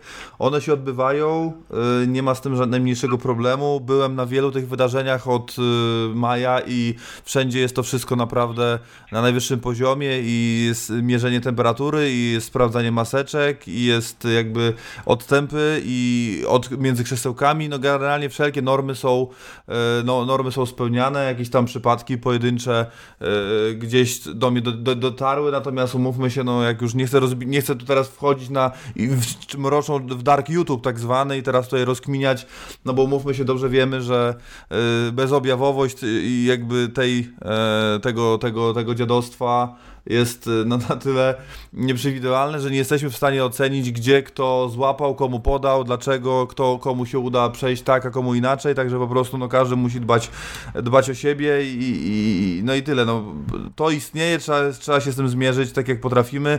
No, na szczęście rząd jakby chyba zdał sobie sprawę z tego, że, że sport jednak musi istnieć i bez publiczności, ale jednak. Nie no, tak naprawdę musimy się przyzwyczaić do tego, co będzie miało miejsce jeszcze przez, nie wiem, pół roku, rok. No nie ma się co oszukiwać, że 14-15 tysięczny obiekt nie zostanie y, wypełniony do ostatniego krzesełka przez Federację KSW. Przez nasz y, Netto Arena w 100% też nie będzie wypełniona podczas gali FEN 32 y, prawdopodobnie, więc no tutaj są, tu jest problem, aczkolwiek my chyba wszyscy nauczyliśmy się żyć w jakimś, tak, w jakimś tam stopniu własnych oczekiwań. Każdy ma oczekiwania duże, a teraz musieliśmy po prostu zmienić optykę, spojrzenia na to wszystko, co, co się dzieje w MMA. No i, i wszyscy e, ludzie, którzy organizują e, sporty, czy sporty walki, czy mecze piłkarskie, po prostu wiedzą, że, że no nie da się tego przejść. Chcemy oglądać naszą dyscyplinę, chcemy oglądać e, mieszane sztuki walki, chcemy oglądać K1, więc musimy się tak jakby zmierzyć z tym wszystkim, no to co jest teraz i modlić się o to, żeby to jak najszybciej minęło. Aczkolwiek w marcu po raz pierwszy przełożyliśmy swój event, minęło e, 7 miesięcy. No niewiele wskazuje, żeby coś ruszyło w tym kierunku. Mało tego, wydaje się, że jest, że jest troszeczkę gorzej, jeżeli chodzi o sytuację na świecie, więc no tutaj tak naprawdę jesteśmy podatni na to wszystko, co, co proponuje góra. Góra działa rozsądnie, my wierzymy w to, że, że takie jakieś tam normy, które oni nam proponują, to nam pomogą po prostu organizować galę i teraz, i, i w przyszłym roku. Mm. No dobrze, Kuba, w takim razie już to, to zostawmy, bo na to nie mamy niestety wpływu. Na bieżąco śledzimy oczywiście telewizje informacyjne, internet, Twitter i, i, i jesteśmy na bieżąco, czekamy i liczymy, że jakby będzie spokojnie i stabilnie, e, przynajmniej dla naszej dyscypliny, a i najlepiej dla, dla, dla wszystkich w każdej dziedzinie życia i w każdej branży. E, Przechodzimy do kwestii sportowej. Teraz, y, no teraz tak, mamy galę w pay-per-view, więc jak jest gala w pay-per-view, to tych pytań trochę jest więcej. E, W związku z tym, no ja zacznę od, od, od, od tego, czy ta karta w tym, w, w tej, ten fight card może, e, tak jak wygląda, tak miał wyglądać. Czy doszło do jakichś zmian, które mm, no niestety spowodują, mogą spowodować spadek sprzedaży pay-per-view, czy mogli, mieliśmy, wyliczyliście na jakieś głośniejsze, mocniejsze, jeszcze cięższe nazwiska, jeżeli chodzi o to, aby ten event się po prostu dobrze zmonetyzował e, w tym systemie sprzedaży. Na pewno pojawiają się komentarze, że nieobecność Mateusza Rębeckiego wpłynie na to, jak dużo osób zdecyduje się kupić e, system pay-per-view. No i pewnie to jest strata dla nas, nie ma co ukrywać, aczkolwiek e, po prostu wybraliśmy teraz rozsądne wyjście sytuacji i przedstawiliśmy to, w zasadzie Mateusz to przedstawił w swoich mediach społecznościowych już jakiś czas temu, że on nie zawalczy. Kontuzja, z którą się mierzy, czyli to problem z lędźwiami, z plecami, pojawił się u niego już bardzo dawno temu i zawsze trenował na, na cały gwizdek i widział po prostu, że jakieś tam zabiegi, rehabilitacja i inne, inne czynności, które trzeba wykonywać, żeby ten uraz był jak najmniejszy, nie pomagają, więc postanowił po prostu, po prostu nie walczyć tutaj na, na gali FEN e, 31. Zdajemy sobie sprawę z tego, że Mateusz jest w takim miejscu swojej kariery, w takim momencie, że nie wiadomo czy jutro, czy za pół roku, czy za jedną walkę, czy za trzy, ale prawdopodobnie interesować będzie się nim największa federacja na świecie i to jest jego marzenie, więc szaleństwem byłoby teraz wychodzić nieprzygotowanym w 100% do zawodnika, którego planowaliśmy mu zaproponować na, na galę FEN e, 31. Mateusz godzi się na każdego przeciwnika tak naprawdę, więc tutaj półka im wyżej postawiona, tym on jest bardziej zadowolony z tego wszystkiego. Y, Zaufaj mi Mariusz, chociaż pewnie wiesz to doskonale, że nie wszyscy zawodnicy, nawet jak tak mówią, to tak naprawdę chcą. Tutaj ten przypadek akurat ma miejsce. Więc Mateusz Szembecki miał się mierzyć z zawodnikiem o bodajże rekordzie 12-1 z Rosji. Który również walczył w wielu fajnych miejscach na świecie i, i dużo potrafi. Dlatego stwierdziliśmy, a w zasadzie Piotr Bagiński, jego trener, podjął decyzję wraz z Mateuszem, że, że ta walka się nie odbędzie. Bo poza tym jest Robert Radomski, który nie wypadnie, który jest podziębiony, który jest chory, który przez jakiś czas nie trenował. No ale czy ja wiem, czy to ma wpływ na to, jak y, sprzeda się pay-per-view. Radomski na różdżka, no w porządku, fajny pojedynek, aczkolwiek wydaje mi się, że ten chłopak, który będzie walczył z Marcinem, Iwan Cosic, który przyjedzie tutaj niepokonany do, do Polski, to też jest zawodnik, który gdzieś tam na swoim rynku cieszy się jakąś tam renomą, jest wciąż młody, jest obiecujący, trenuje w Niemczech, ma kilku kibiców za sobą, więc tak naprawdę nie uważam, żeby ta zmiana miała jakiś tam duży wpływ na to, że tych pay-per-view sprzeda się przykładowo tysiąc mniej, no bo, no bo takie zestawienie to na pewno nie było. A reszta kuchamy, dmuchamy, codziennie ze sobą piszemy, codziennie ze sobą rozmawiamy z zawodnikami, z menadżerami, z trenerami i liczymy na to, że żaden z zawodników nie wypadnie z karty walk, aczkolwiek jesteśmy uzbrojeni w zastępstwa jak nigdy. Jeżeli coś takiego by się nie daj Boże wydarzyło, no to tu mamy przygotowaną listę zawodników, którzy ewentualnie mogą skoczyć w zastępstwo, aczkolwiek nie chcę tu krakać, bo na ten moment jest wszystko w porządku. Każdy z zawodników, wczoraj pisaliśmy na naszej takiej zawodniczej grupie, gdzieś tam zadeklarował, że, że nawet żaden Kataru nie ma i nie jest podziębiony i nic nie boli, także, także mam nadzieję, że te 20 dni to nic się tutaj nie, nie wydarzy na ostatnią chwilę. W takim razie kolejna sprawa, czy, no bo tak, wy jesteście organizacją, która yy, i tutaj za, za, to was i, i Pawła, bo zawsze głośno o tym mówi, bardzo mocno szanuje za to, aby promować za wszelką cenę sport, tak bardzo jak jest to możliwe.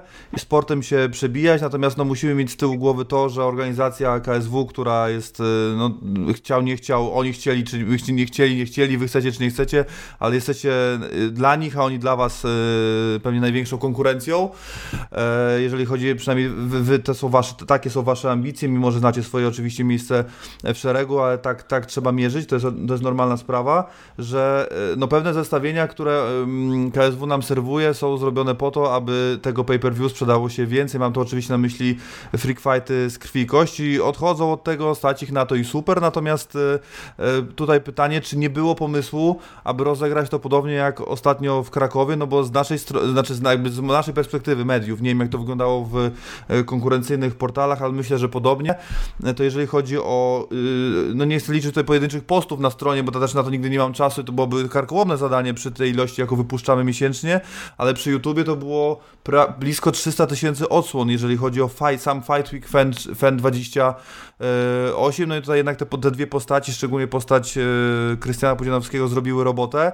No i czy nie było takiego pomysłu, żeby jednak znów ten portfel otworzyć, może nawet nie szerzej z racji porażki Krystiana, znów pójść w taką stronę i, i jednak zrobić e, drugi zamach na to, na to pay-per-view, może jeszcze bardziej okazały niż ostatnio. Znaczy, też Mariusz, na pewno to była jedna z opcji, poza tym, że chcieliśmy też sprawdzić, jak rynek zareaguje na możliwie jak się najbardziej da chyba sportową kartę walkę. No tutaj poza jednym zestawieniem, o którym pewnie, pewnie sobie porozmawiamy zaraz, czyli, czyli Trybała kontra Borowski, to tutaj jest naprawdę 7 pojedynków na, na poziomie takim, że jak ktoś Fenu nie lubi i Fen jest obiektem częstych drwin, żartów i szydery, to tu musi przyznać, że, że ta karta walk nie wygląda najgorzej. I nie mówię tego jako osoba, która broni interesów federacji, ale jako osoba, która też się interesuje sportem i widzi, co jest fajne, co jest niefajne. Na pewno była możliwość, była opcja, żeby gdzieś tam sięgnąć po, po freak, aczkolwiek zdajemy sobie sprawę z tego, że w tych freakach nie jesteśmy mistrzami świata i nie za każdym razem ktoś, kto może być freakiem, przyda się, przydarzy się, e, tutaj przy, przyda się naszej federacji. No, Krystian Pudzianowski to jest nazwisko bardzo głośne i e, osoba, która miałaby się z nim zmierzyć, prawdopodobnie musiała być też osobą bardzo znaną. Chcemy zobaczyć, jak zareaguje publiczność, jak zareagują kibice, na możliwie jak się da, całkiem możliwe, że możliwie jak się da, najlepszą sportowo kartę walk, na jaką nas stać, bo kto wie, czy to nie jest taka karta, nie?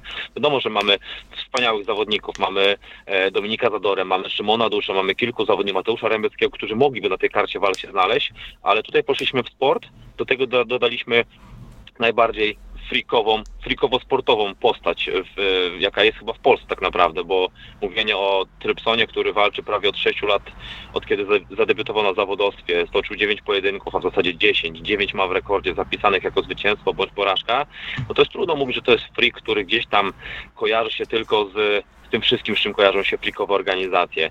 E, mogliśmy pójść e, gdzieś tam w kierunku frikowego przeciwnika dla niego, ale to też nie była taka prosta sprawa, bo wszyscy zdają sobie sprawę z tego, że Trypson jest na poziomie dużo wyższym niż frik, przykładowo Szeliga bądź Pudzianowski, no bo tak na pewno by było, więc poszliśmy w zestawienie, które jest krytykowane przez wiele osób. Ja sobie z tego zdaję sprawę, postawiliśmy na emocje między dwoma e, zawodnikami, którzy siebie nie darzą sympatią, którzy chcą się ze sobą bić, którzy będą, jakby nie nazwać to sportowcami tutaj w takim zestawieniu, nie ma co do tego w ogóle żadnych wątpliwości, więc zdaję sobie sprawę z tego, że głośniej może byłoby w social mediach przed pojedynkiem, gdyby się bił ktoś, kto jest freakiem, z typowym freakiem, aczkolwiek chcieliśmy sprawdzić, czy w przyszłości organizować te gale właśnie z jednym pojedynkiem troszeczkę odmiennym, czy można pójść sportową ścieżką i, i sobie gdzieś tam te pay-per-view po prostu sprzedawać. Chcielibyśmy zrobić tą galę też z kibicami, którzy mogliby przyjść na trybuny. Takiej możliwości niestety nie ma, więc ciekawi jesteśmy, co rynek nam po prostu tutaj odpowie na to, jak zobaczę 8 pojedynków, z czego 7 naprawdę na bardzo wysokim poziomie sportowym, a jeden na troszeczkę niższym, ale też za sportowe zestawienie. No dobrze, mi jedna taka rzecz przyszła do głowy. E, Czy przypadkiem nie jest tak, że biorąc pod uwagę garzę, yy, i tutaj mówię akurat garze, o garze Krystiana Pudzianowskiego, no bo z moich informacji wynika, to garza Piotra Szyligi nie była yy, aż tak freakowa, jakby się wszystkim wydawało. Yy, więc czy nie jest przypadek, ale po- połączmy to zestawienie po prostu, czyli jakby garza tego freak fightu, który się odbył w Krakowie, czyli odjęcie tej garzy od karty walk nie spowoduje, że no bo umówmy się, że tamta karta walk była dużo droższa niż ta, e, właśnie ze względu na tamto zestawienie. To czy przypadkiem nie jest tak, że możecie sprzedać mniej pay-per-view teraz, a wyjść na dużo większy plus niż wtedy w Krakowie? Ma- Mariusz, trudno powiedzieć, bo musiałbym odpalić Excela, mieć wszystkie dane, których, których e, dokładnych, sprecyzowanych nie wszystkie mam. Musiałbym to wszystko porównać, czy to ma e, sens mniejszy czy większy. Jeżeli byśmy sprzedali 500 pay-per-view mniej, no to prawdopodobnie e, można byłoby to zestawienie odpuścić. Jeżeli miałoby to być 5000 pay-per-view, no to znowu matematyka, liczenie pod kreską i, i sprawdzamy, czy to się sprawdza, czy to się nie sprawdza.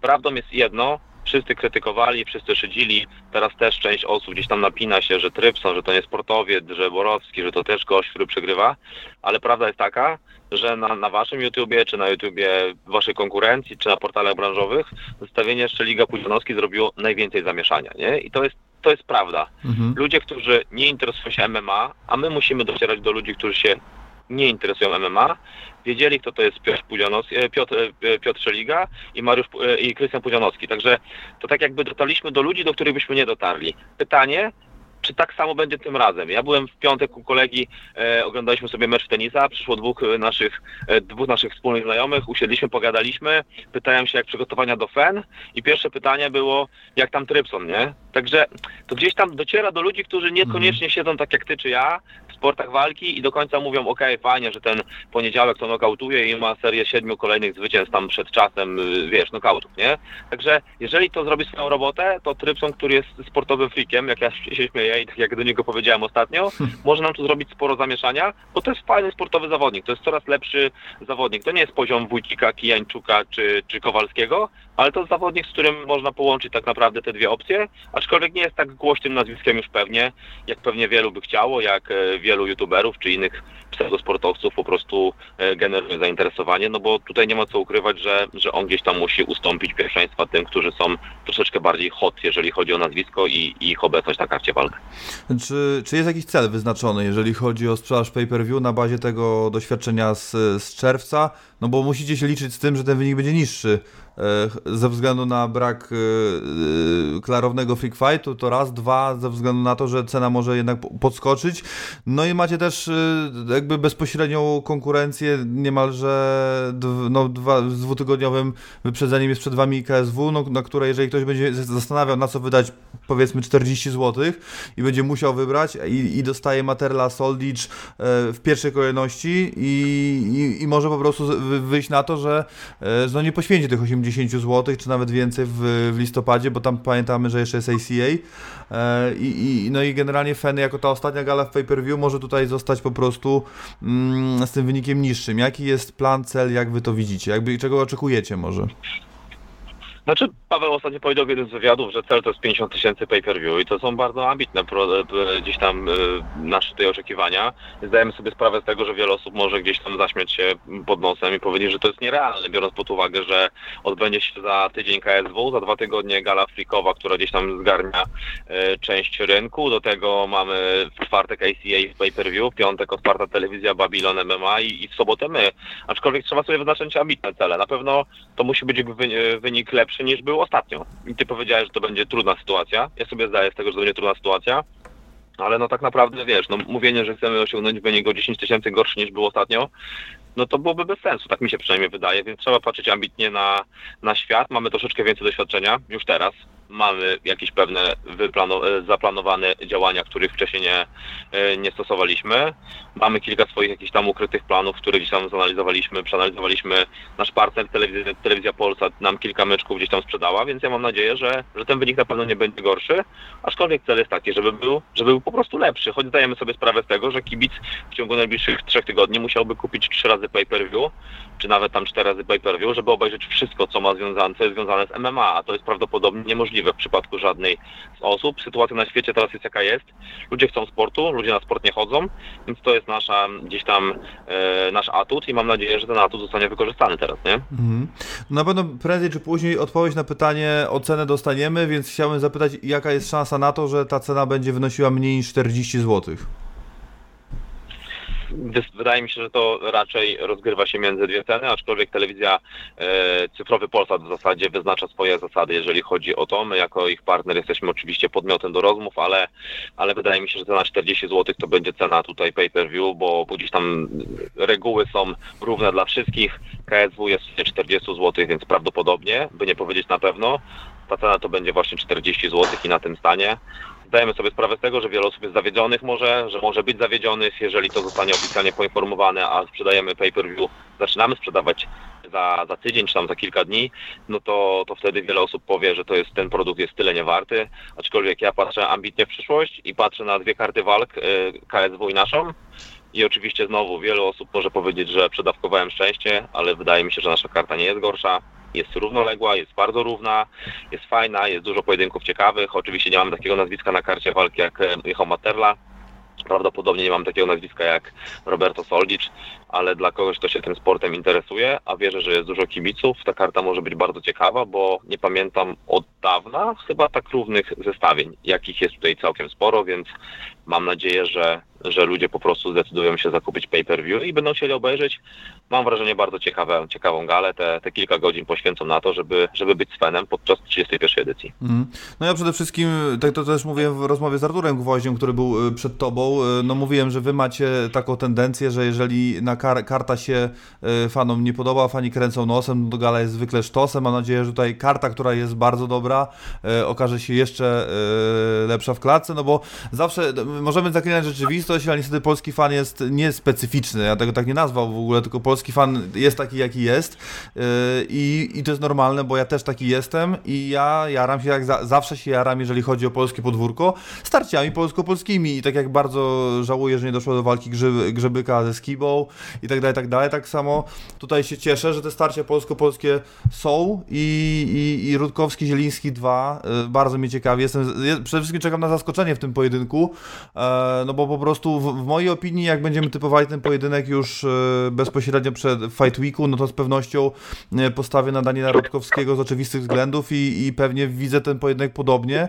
e, bo jak raz coś działało, to czemu to, czemu to zmieniać, mimo tego, że Rutek podszko- podszkolił boks, to myślę, że jeżeli poczuje zagrożenie, to na pewno w pierwszej kolejności nie będzie starał się oddać mocniej, tylko po prostu pójdzie po nogi, tak to, tak to widzę, do tego jeszcze przejdziemy, mamy, mamy parę tygodni, ale Kowalski Wójcik to jest kolejne genialne zestawienie.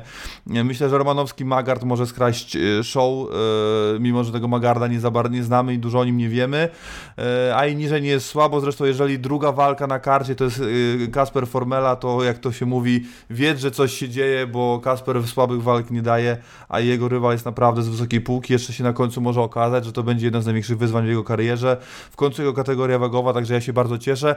Co do karty walk, to chciałbym tylko Ciebie zapytać, na któ- które Ciebie starcie, jak przeglądasz te 8 pojedynków elektrycy najbardziej, bo e, pozwolę sobie z racji doświadczenia i tego, że mm, wa- jeszcze się niestety odpukać może coś zmienić z dwóch różnych przyczyn, to typowanie i przegląd całej karty zostawimy sobie na Fight Week, a Ciebie chciałbym tylko jeszcze zapytać o to, jak Ty, e, co Ciebie elektryzuje najmocniej e, w tych, wśród tych ośmiu starć. Znaczy na pewno bardzo ciekawi mnie to, czy e, Zieliński będzie był w stanie przygotować coś na Rutkowskiego, czego Rutkowski się nie będzie spodziewał, bo to, co zaproponuje Daniel Rutkowski, prawdopodobnie wiedzą wszyscy, wie to też Adrian Zieliński, ale to jest taka sytuacja, że to jest taki zawodnik, którego każdy potrafi przeczytać, a nikt nie potrafi się tego nauczyć, więc tak mi się wydaje, że tutaj może być, jeżeli, to jest jedna zagadka, czy Zieliński odrobi na tyle lekcje, że będzie w stanie ten dewastujący, strasznie wykluczający atuty przeciwnika stylu Rutkowskiego powstrzymać, więc to na pewno jest ciekawe. Tutaj są jakieś podteksty, tu jest pojedynek rewanżowy, to było pierwsze starcie, dwa pasy w puli, więc to jest siłą rzeczy ciekawe. Aczkolwiek dla mnie najciekawszym pojedynkiem jest pojedynek dniaczka z poniedziałkiem. Ja wiem, zdaję sobie sprawę z tego, że to jest pojedynek, który ma całkiem możliwe mniejszy ciężar gatunkowy niż te zestawienia mistrzowskie, ale coś mi się wydaje, że zwycięzca tego pojedynku, który wygra tą walkę przed czasem, będzie się bił z bryczkiem o pas. Przynajmniej takie jest moje, moje widzenie tego tematu, więc pojedynek e, może być bardzo ciekawy, pojedynek dwóch strikerów, dwóch zawodników, którzy potrafią, lubią i chcą się bić w stójce. Gniadek jest bardziej uniwersalny, aczkolwiek ta lewa ręka, e, lewa ręka poniedziałka potrafi, wiesz, dewastować wszystkich tak naprawdę, kogo na, na, na, tej, dro- na tej drodze swojej spotykał. No Magard e, Romanowski, no to to jest ciekawy pojedynek. Ja tego Magarda oglądałem kilkukrotnie. Walczył na Bamie, walczył na Cage Warriors, na ACB, wszystko wygrywał. W ostatnich 10 walkach wygrał 9. No także wiesz, Romanowski jest super zawodnikiem, który też potrafi boksować, co w ostatnio pokazał. A całkiem możliwe, że teraz spotka gościa, który jest od niego po prostu lepszy. I teraz pytanie, czy on będzie sobie w stanie z tym, z tym poradzić. No Ko- Kowalski, Kowalski kontra Wójcik, super, oczywiście. Ale kurczę, wydaje mi się, że takie fajne zestawienie, które mogło być walką wieczoru każdej z kolejnych edycji, to może być wyborem numer 3, niektórych może nawet 4. Kto wie, no bo tych naprawdę pojedynków jest dużo. Jak do tego damy formele na różdżkę, który ma, przeżywa drugą młodość, to naprawdę jest to oglądać i ja tylko trzymam kciuki każdego dnia, żebyśmy tą galę zrobili, bo no bo zapowiada się sztos. Mam nadzieję, że tak będzie. I teraz jeszcze jedno pytanie ode mnie i przejdziemy do pytań z czatu, bo kilka ich jest, e, więc pierwsze pytanie, no to nie wiem, czy to jest pytanie do Ciebie i czy już znasz na nie odpowiedź, ale dopytam, bo prędzej czy później to pytanie się pojawi, a jeszcze się nie pojawiło. Skład sędziowski, czy dojdzie do jakiejś rotacji? Piotr, e, Piotr Michalak jako sędzia główny, tu na 100% i on dobiera sobie ludzi, którzy będą pracować z nim na gali. Ja takiej wiedzy nie mam, prawdopodobnie Paweł już już ją ma lub będzie miał na, na dniach. E, Piotr Michalak zaufanie pełne z naszej strony. Jaki skład wybierze, taki po prostu będzie i my na, tak naprawdę nie będziemy, nie będziemy ingerować, bo to jest jego decyzja. Dobrze, no i przechodzimy do pytań i tutaj wasz wierny fan Oczosinko Gangster pyta, e, wiadomo o co, panie Borowicz, czemu nie ma walki pań na FEN 31? Przecież wiadomo, że gala bez bogini lubolińskiej albo Badurek wiele traci na jakości i prestiżu. Nie, no to się zgadzam. Oczosinko wariat zawsze zadaje te same pytania i za każdym razem się wszyscy uśmiechałem, jak ktoś się czyta albo, albo słucha odpowiedzi na nie. E, no co, Badurek, Bekus wiadomo, biły się niedawno, nie zdążyłyby się przygotować. E, Wadur, jeżeli chodzi o przyjazd, tutaj jeżeli chodzi o mm, zestawienie, też gdzieś tam wypadła, prawdopodobnie początek przyszłego roku, bo chcemy, żeby ona po raz drugi na pewno wystąpiła dla nas. E, no i Kasia Lubańska, która łączy e, codzienną e, codzienne życie, treningi z planami zawodowymi, które ma bardzo ambitne, więc ona na razie po prostu oddaje się swoim zadaniom tutaj w pracy i nie było możliwości, żeby się przygotowała na, na tę edycję. Oczosinko musi się e, wstrzymać i tutaj uzbroić cierpliwość, aczkolwiek z Kasią rozmawiam jakiś czas temu, powiedziała, że początek roku to wracamy do regularności startów, także bogini Lubońska, Oczosinko na pewno wróci dla Ciebie. E, Krystian Lisiecki pyta, e, pierwsze jego pytanie, kiedy zawalczy wasz mistrz Oli, który jest po porażce? No, Oli wczoraj przegrał. No i to nie jest dobra informacja dla nas. No ale z Karitonowem przegrał, to jednak nie jest wstyd chyba duży. No to nie, absolutnie, absolutnie wstyd nie jest. E, rozmawialiśmy z Oli jakiś czas temu. E, chcieliśmy go zestawić na gali PN 31. Brany pod uwagę był rewanż z Szymonem Bajorem, ale Szymon z drugiej strony walczył teraz.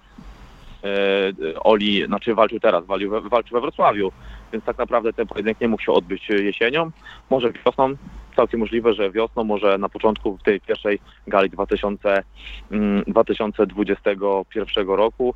Na pewno jest na niego plan, jesteśmy w stałym kontakcie, także tutaj z, z Olim jest kontakt dobry, pisaliśmy wczoraj, ja z nim pisałem, pytałem się jak się czuje po tej, e, po tej porażce, mówi, że wszystko w porządku, że takie rzeczy się zdarzają, że chwilę odpoczywa, wraca na salę i będzie dalej trenował, także mam nadzieję, że w ciągu pół roku Oli będzie walczył na, na którejś z galfen.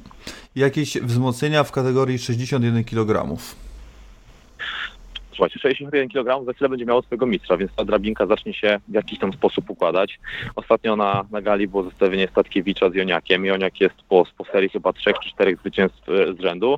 Jak będziemy mieli mistrza Romanowskiego lub Magarda, to będziemy, będziemy to układać. Jeżeli Romanowskim byłby mistrz, no to prawdopodobnie, prawdopodobnie walczyłby gdzieś tam na swojej gali, na swoich terenach. Jeżeli będzie to Magar, no to będziemy musieli po prostu przedefiniować, co robimy. Zależy jak będzie wyglądał ten pojedynek pierwszy, bo to też może być niejednogłośna decyzja na dystansie pięciu rund, więc nie wychodzimy aż tak bardzo do przodu, aczkolwiek kilku tych zawodników mamy i będziemy mieli prawdopodobnie jeszcze, jeszcze kilku więcej, żeby ta kategoria, która w Polsce jest bardzo słaba, też tutaj miała swojego mistrza, miała swoich pretendentów i żeby ta historia też tu się fajnie jakoś układała. I trzecie pytanie od Krystiana Lisickiego. Czemu Tymek nie walczy na FEN? No mam gorącą nadzieję, że chodzi o Tymoteusza Łopaczyka. Nie, no mam nadzieję też, że chodzi o Tymka Łopaczyka. E, No Tymek walczył jakiś czas temu, niedawno. On walczył poza, poza naszą federacją, więc tak naprawdę e, gdzieś tam ten rytm startowy w jakiś tam sposób utrzymuje w ostatnim czasie. E, Ma z nami ważny kontrakt, więc e, będzie walczył. Z tego co słyszałem, jakiś czas temu miał zmieniać kategorię wagową na 70. Nie wiem, czy ten plan jest cały czas aktualny. Nie wiem, czy to się wydarzy tak naprawdę, bo Tymek jest dosyć grubej kości i on walczył w wyższych kategoriach przed przyjściem do FEN. E, Jeżeli to będzie kategoria 77, no to nie widzę problemu, żeby walczył. To tak naprawdę nie ma tu żadnego, mm, żadnego ale. Po prostu miał termin walki poza FEN. Jeżeli tak po prostu dwie strony będą chciały, Tymek będzie zdrowy, będzie wyleczony, będzie chciał się bić, no to, no to robimy to, nie ma problemu. Tymek fajnie walczy, dużo wygrywa pojedynków, poza tym e, tą wpadką z Szymonem Duszą wszystko do przodu, także, także super chłopak. Paweł Podkański pyta, co mogłeś jeszcze powiedzieć o tym zawodniku 12-1, który miał walczyć z Rębeckim? Czy są plany, aby jeszcze zawalczył na FEN? E, Plany tak jest, jak najbardziej. Z tym, że to jest zawodnik, który mógłby walczyć z Mateuszem Rebeckim. Po prostu, bo Mateusz Rebecki jest Mhm. zawodnikiem, który mógłby się mu przeciwstawić na ten moment. No może Łukasz Karzewski, ale wydaje mi się, że tamten chłopak to był naprawdę dobry zawodnik, który, który często walczył w Rosji, który miał dobry rekord i, i to byłby taki kolejny test, wyzwanie dla, mm, e, dla, dla Chińczyka. Z racji oczywistych nie chcę podawać, kim jest ten chłopak, bo wiadomo, że konkurencja nie śpi, ale na pewno to byłoby wyzwanie nie mniejsze niż Magomed Magomedow, aczkolwiek Chińczyk się po Magomedowie przejechał, a zapowiadał się też na solidnego przeciwnika, także zobaczymy, zobaczymy jak to będzie w przypadku tego chłopaka, który prawdopodobnie będzie walczył gdzieś na naszej federacji, chociaż w dzisiejszych czasach i po, przy, przy obecnej sytuacji, podróżach z Rosji do Polski w ogóle może to wyglądać, może to wyglądać różnie. Mhm. I jest pytanko znów od, od, od. E, Panie Borowicz, czy jest możliwość przejęcia DJ-a Dexa do Fenus Free Fight Federation, bo byłby łakomym kąskiem dla Waszej organizacji po swoim ostatnim występie, gdzie zaimponował wielu osobom? Mm, Powiem tak, e, DJ Adexa to ja znam od jakichś kilku lat, bo miałem przyjemność robić z nim na swoją stronę internetową wywiad. Wtedy gadaliśmy bardzo dużo o triathlonie, o rugby i o takich tego typu tematach, więc kontakt z DJ Adexem jest bardzo łatwy. Rozmawiałem z nim nie wiem, w ciągu, w ciągu ostatniego miesiąca i po prostu oddaje się innym tematom. Nagrywał płytę, robi swoje tam rzeczy, którymi się zajmuje na co dzień, ma dużo bardzo obowiązków, ma, ma rodzinę, więc tak naprawdę nie szykuje się do żadnego pojedynku. E, Jest zawodnikiem Federacji FFF, więc trzeba było się dogadać e, z telewizją Polsat i z FFF, czy oni chcieliby, e, czy on by chciał, czy, czy oni chcieliby go puścić w ogóle. Nie skupiamy się na, na tym, bo- mamy Trypsona i gdzieś tam taki zawodnik, nie wiem, pojedynek dwóch zawodników Federacji FFF na naszej gali chyba nie miałby, nie miałby sensu. Aczkolwiek no jest to ciekawy plan, pokazał się z dobrej strony. Nie pamiętam tego chłopaka, z którym on walczył, bo ja tak nie do końca orientuję się, jeżeli chodzi o, o tego typu przeciwników, aczkolwiek no, fajny chłopak na pewno, fajnie pokazał się z dobrej strony i ma papiery na, na fajny sport, aczkolwiek no, trzeba przyznać szczerze, że to jest gdzieś tam jakiś tam poziom sportowy, na którym on może się znaleźć, ale pretenduje go tylko do pojedynków tak zwanych freak fightów, no bo taka jest pewnie tutaj jego, jego pozycja na razie i, i pewnie w najbliższym czasie będzie, więc może by zrobił trochę zamieszania, ale pytanie, czy to też jest tak głośne nazwisko, które by tam sprzedało nam nie wiadomo tego pay-per-view ile, no trudno jest mi powiedzieć na ten moment. Gdzieś tam kiedyś była jakaś rozmowa, ale to bardziej rozmowa koleżeńska, a nie biznesowa, o, na tej zasadzie, bo gdzieś tam z Dexem kilka razy miałem okazję rozmawiać, więc po prostu zapytałem się jak u niego, jak się czuje, co robi, powiedział, że nagrywa płytę, że nie trenuje i, i to tyle. Mm. No ja do DJ-a Dexa no to przede wszystkim mam wielki szacunek i e, za muzykę, no jestem jakby fanem muzyki i, i jestem na No ja bieżąco też z jego ja produkcjami. też, Także to, Dawno, to, to, dawno słuchałem muzy- muzyki, także znam temat, jestem fanem, do tego oglądałem jego mecze, jak grał w rugby, do tego triatlon, ja lekko atletyką, bieganiem interesuję się chyba z 15 lat już albo więcej, więc jak on mi powiedział swoje czasy, wyniki, osiągnięcia, to nie mam prawa takiego człowieka bardzo nie szanować, jak do tego dodamy to, że potrenował trochę sporty walki, pokazał się ze znakomitej strony na tle rywala, który doświadczenia ma tyle co on, czyli niewiele, no to pokazuje, że to jest bardzo fajny, bardzo dobry sportowiec, fajny człowiek, utalentowany na wielu płaszczyznach, także także na pewno wartość dodana. No pytanie, no może melodia przyszłości, kto wie, no trudno mi jest powiedzieć, zobaczymy co się wydarzy, na razie FFF Gal nie będzie robiło, więc jeżeli byśmy robili galę za 4 miesiące, a sytuacja by się zmieniła, no to może tak, kto wie. Mm, No ja nawet słyszałem plotkę, nie wiem ile w tym prawdy, że jakby mm, projekt Polsatu, no bo to był projekt Polsatu robiony prze, na, przez KSW na zlecenie Polsatu, jakby zakończył y, póki co swój byt. Nie wiem czy na stałe, czy Nie nie. Nie mam, nie mam wiedzy na ten temat. Już rozmawiałem z Typsonem trzy tygodnie temu podczas kręcenia trailerów. Powiedział, że e, na razie FFF Gal nie robi, bo to są gale, które nie będą w pay-per-view, tylko będą z telewizji z kibicami. No na razie tych kibiców nie może być, więc oni gal nie będą robić. I tyle wiem. Także trudno mi jest powiedzieć. Tak, tutaj Oczosinko powiedział, że wczoraj Pa- Paweł Jóźwiak na czacie napisał, nie wiem na którym, ale że 40 zł cena, jakby pay-per-view. To taka No to informacja. jeżeli 40 zł, to tak prawdopodobnie tak to miałoby być. Jeżeli tak napisał Paweł no to tak na pewno jest. No, ja gdzieś tam nie jestem upoważniony do tego, żeby mówić, gdzieś tam wydawać oficjalne komunikaty w tej sprawie, ale jeżeli Paweł tak napisał, to tak prawdopodobnie jest. Na pewno jest. Ja miałem tą wiedzę na 90%, dlatego powiedziałem z takim troszeczkę znakiem zapytania w głosie. Mhm. No dobrze, w takim razie tutaj jest mnóstwo pytań tego Oligo Thompsona, ale to już wyjaśniłeś, pewnie parę osób do, dołączyło na czat i nie usłyszało odpowiedzi na pytanie, więc e, zapraszamy, żeby się cofnąć, ewentualnie poczekać na koniec transmisji najlepiej i sobie później odtworzyć i na YouTubie będzie też, dzisiaj postaram się, żeby było też na Spotify, także e, tam sprawdzajcie. E, I jest ostatnie, ostatnie pytanie nie dotyczące z kolei Oliego Thompsona, bo jest ich kilka tutaj, ale wszystkie tej samej treści, a to jedno się wybija i to jest pytanie od Patryka Greena. Jeśli Rutek wygra, czy dalej będzie go obowiązywał kontrakt z FEN, czy może na przykład zmienić federację? To znaczy się, Rutek jest zawodnikiem Babilon MMA, żeby było jasne, więc tak naprawdę Tomek Babiloński e, reprezentuje jego, jego interesy i jest zawodnikiem, Rutek jest zawodnikiem Tomka Babilońskiego. Na razie sytuacja jest taka, że mamy po prostu pojedynek i rewanż. Jeżeli Rutek będzie mistrzem FEN, no to będzie musiał ten pas raz na jakiś czas obronić, no bo takie są zwyczaje. Jeżeli nie będzie chciał go bronić, no to będzie musiał go zwakować, więc tu jest sytuacja wielowątkowa. Tak naprawdę odpowiedź na to wszystko muszę, może być kilka odpowiedzi na ten moment. Mm, Zobaczymy, kto wygra. Jeżeli wygra Zieliński, to tak jakby y, sytuacja tutaj z Rudkiem jest jasna, nie? Można zrobić trylogię, po prostu możemy się rozejść w takiej sytuacji, jaka jest obecnie. Jeżeli wygra Rutek, no to, to już musi mieć do rozmów, czy on tego pasa będzie chciał bronić, czy nie. Czy on widzi po prostu naszą wspólną przyszłość, czy raz w roku będzie chciał walczyć na gali, a nie bronić tytułu, bo to, bo to też się może, może się odbyć. Tej kategorii piłkowej jakiś czas temu nie mieliśmy żadnych zawodników takich wybijających się. Teraz, jeżeli liczymy Rudka, to jest Zieliński, jest Formela, gdzieś tam odnowiliśmy ostatnio kontakt z Dagierem Mimawowem, jest ten nowy Francuz, który się bije, także tych chłopaków trochę jest, jak doliczymy do tego Kamila Łebkowskiego, to gdzieś tam możemy tą drabinkę zacząć, zacząć układać, więc jeżeli Rutek by, jeżeli Rutek by wygrał, to sam musi się określić, co chce robić, relacje są dobre, kontakt jest fajny, z Tomkiem Babilońskim się dogadywaliśmy zawsze dobrze, więc więc musimy podjąć decyzję dorosłą, czy, czy robimy coś z tym i walczymy raz na jakiś czas na FEN, czy tego nie robimy, po prostu dwie osoby się rozchodzą, a pas jest i układamy drabinkę od nowa. Mhm. No to trzeba pamiętać też, e, że Rutek ma tam ja- jasno sprecyzowane plany i on chce pięć pasów. Nie do końca wiem, który jest ten piąty, no ale Rutek pewnie wie, e, także jest, chce, chce być pierwszym zawodnikiem e, w tej kategorii wagowej w ogóle chyba w Polsce, który zdobędzie każdy tytuł. Nie wiem, czy jednocześnie jest to możliwe, wątpię, ale pewnie będzie chciał w tą stronę iść. No i ja jak już nie ukrywam, że jak miałbym szukać zawodnika, który może sprawić największy problem e, Saladinowi, no to stylistycznie chyba to byłby właśnie Rutek, także kto wie. No Rutek jest zawodnikiem, który chyba każdemu zawodnikowi na świecie przysporzyłby sporo problemów, tak mi się przynajmniej wydaje. Ten styl, który absolutnie obnaża wszystkie braki przeciwnika, pokazał, że Zieliński, który jest fantastycznym zawodnikiem, który dostawał bonusy i miał walki wieczoru na ACB jeszcze wtedy, po prostu nie miał zbyt wiele do powiedzenia, no bo taka, bo taka jest prawda. Więc zobaczymy co, zobaczymy, co się tutaj wydarzy, jakie będzie miał plan Rutek tak naprawdę, bo jeżeli Rutek chce iść po pięć pasów, i nie chce w ciągu roku bronić pasa naszego, no to, to nie ma sensu, żeby on tym mistrzem był, tak? No bo, bo jeżeli zawodnicy są, którzy mogą się bić o pasy, no to trzeba zrobić wszystko, żeby, żeby on tego pasa bronił. Aczkolwiek to jest chyba za daleko wybieganie w przyszłość, nie? Bo my Mhm. nie wiemy, co się wydarzy za trzy tygodnie. Ja wiem, że Rutek jest faworytem, no ale Zieliński to jest kurczę gość, który sporo potrafi. Jeżeli odrobił lekcję, a na pewno odrobił, bo kilkukrotnie rozmawialiśmy, no to on na pewno tanio skór nie sprzeda, jak to mówi klasyk, więc może być, może być różnie. Tak jest. No dobrze, y, Michał, czy ty masz jeszcze jakieś pytanka do Kuby? Nie, nie, nie. Wszystko wyczerpałeś temat. Wyczerpałem temat. Ja, ja i. No to jeszcze są dwa, widzę, że są jeszcze dwa pytanka, więc y, Patryk Green pyta jeszcze, jak przebiega współpraca z KSW, czy jakieś migracje w obie strony zawodników? Znaczy, na ten moment y, sytuacja jest taka jest. Współpraca, jeżeli będzie kontynuowana, prawdopodobnie będzie, to jak znajdzie taka potrzeba, to któryś z zawodników przyjdzie w jedną ze stron. Taka sytuacja miała troszeczkę miejsce na, tutaj na płaszczyźnie Grzebych Thompson, bo generalnie tak się to się zaczęło. Relacje są bardzo dobre.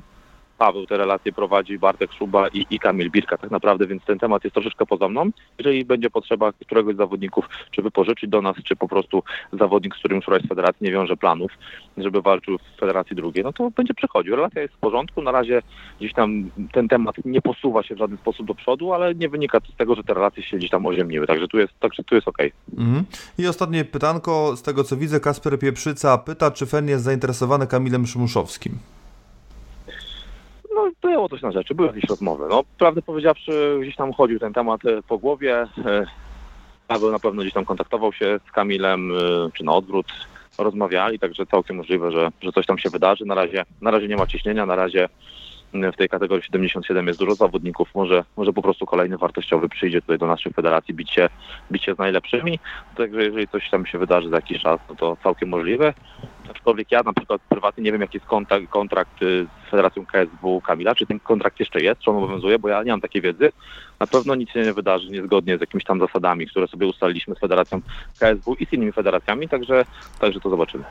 No dobrze, Kuba, w takim razie co? No ja Ci bardzo dziękuję za poświęcony czas, szczególnie w niedzielę y, i, i, i za, za całą rozmowę i za odpowiedź na wszystkie nurtujące pytania co do e, jakby takiego e, zapowiedzi wstępnego przeglądu, typowania, e, to myślę, że jeszcze przejdziemy do tego, zajmiemy się tym w Łodzi. Oczywiście gorąco liczę na to, że nic nam w tym nie przeszkodzi, Wiem, wiemy doskonale, co mam na myśli i że, e, i że ten rok, i ten następny i każdy, że już żadna gala MMA w Polsce nigdy nie zostanie odwołana z tego powodu, ani w ogóle najlepiej z żadnego powodu.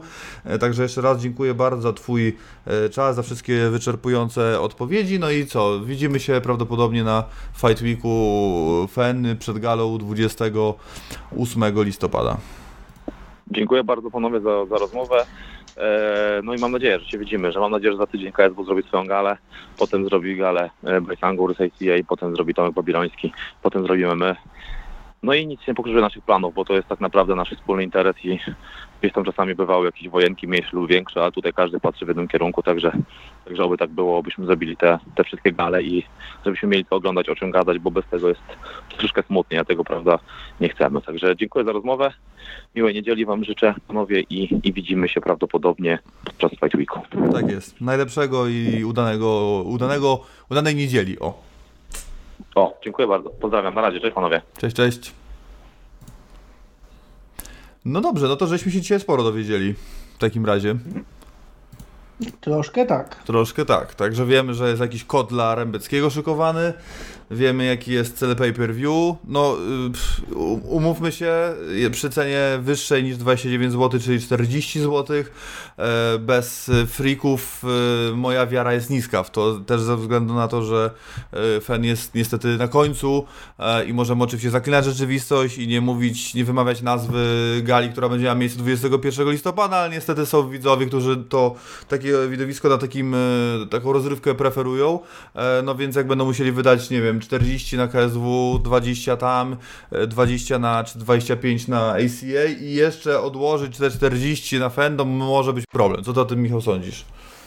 No tak, to prawda. No, znaczy, ogólnie tak, my to wykupimy, bo rozpiska jest naprawdę bardzo, bardzo mocna. Mi się bardzo podoba ta rozpiska Fenu.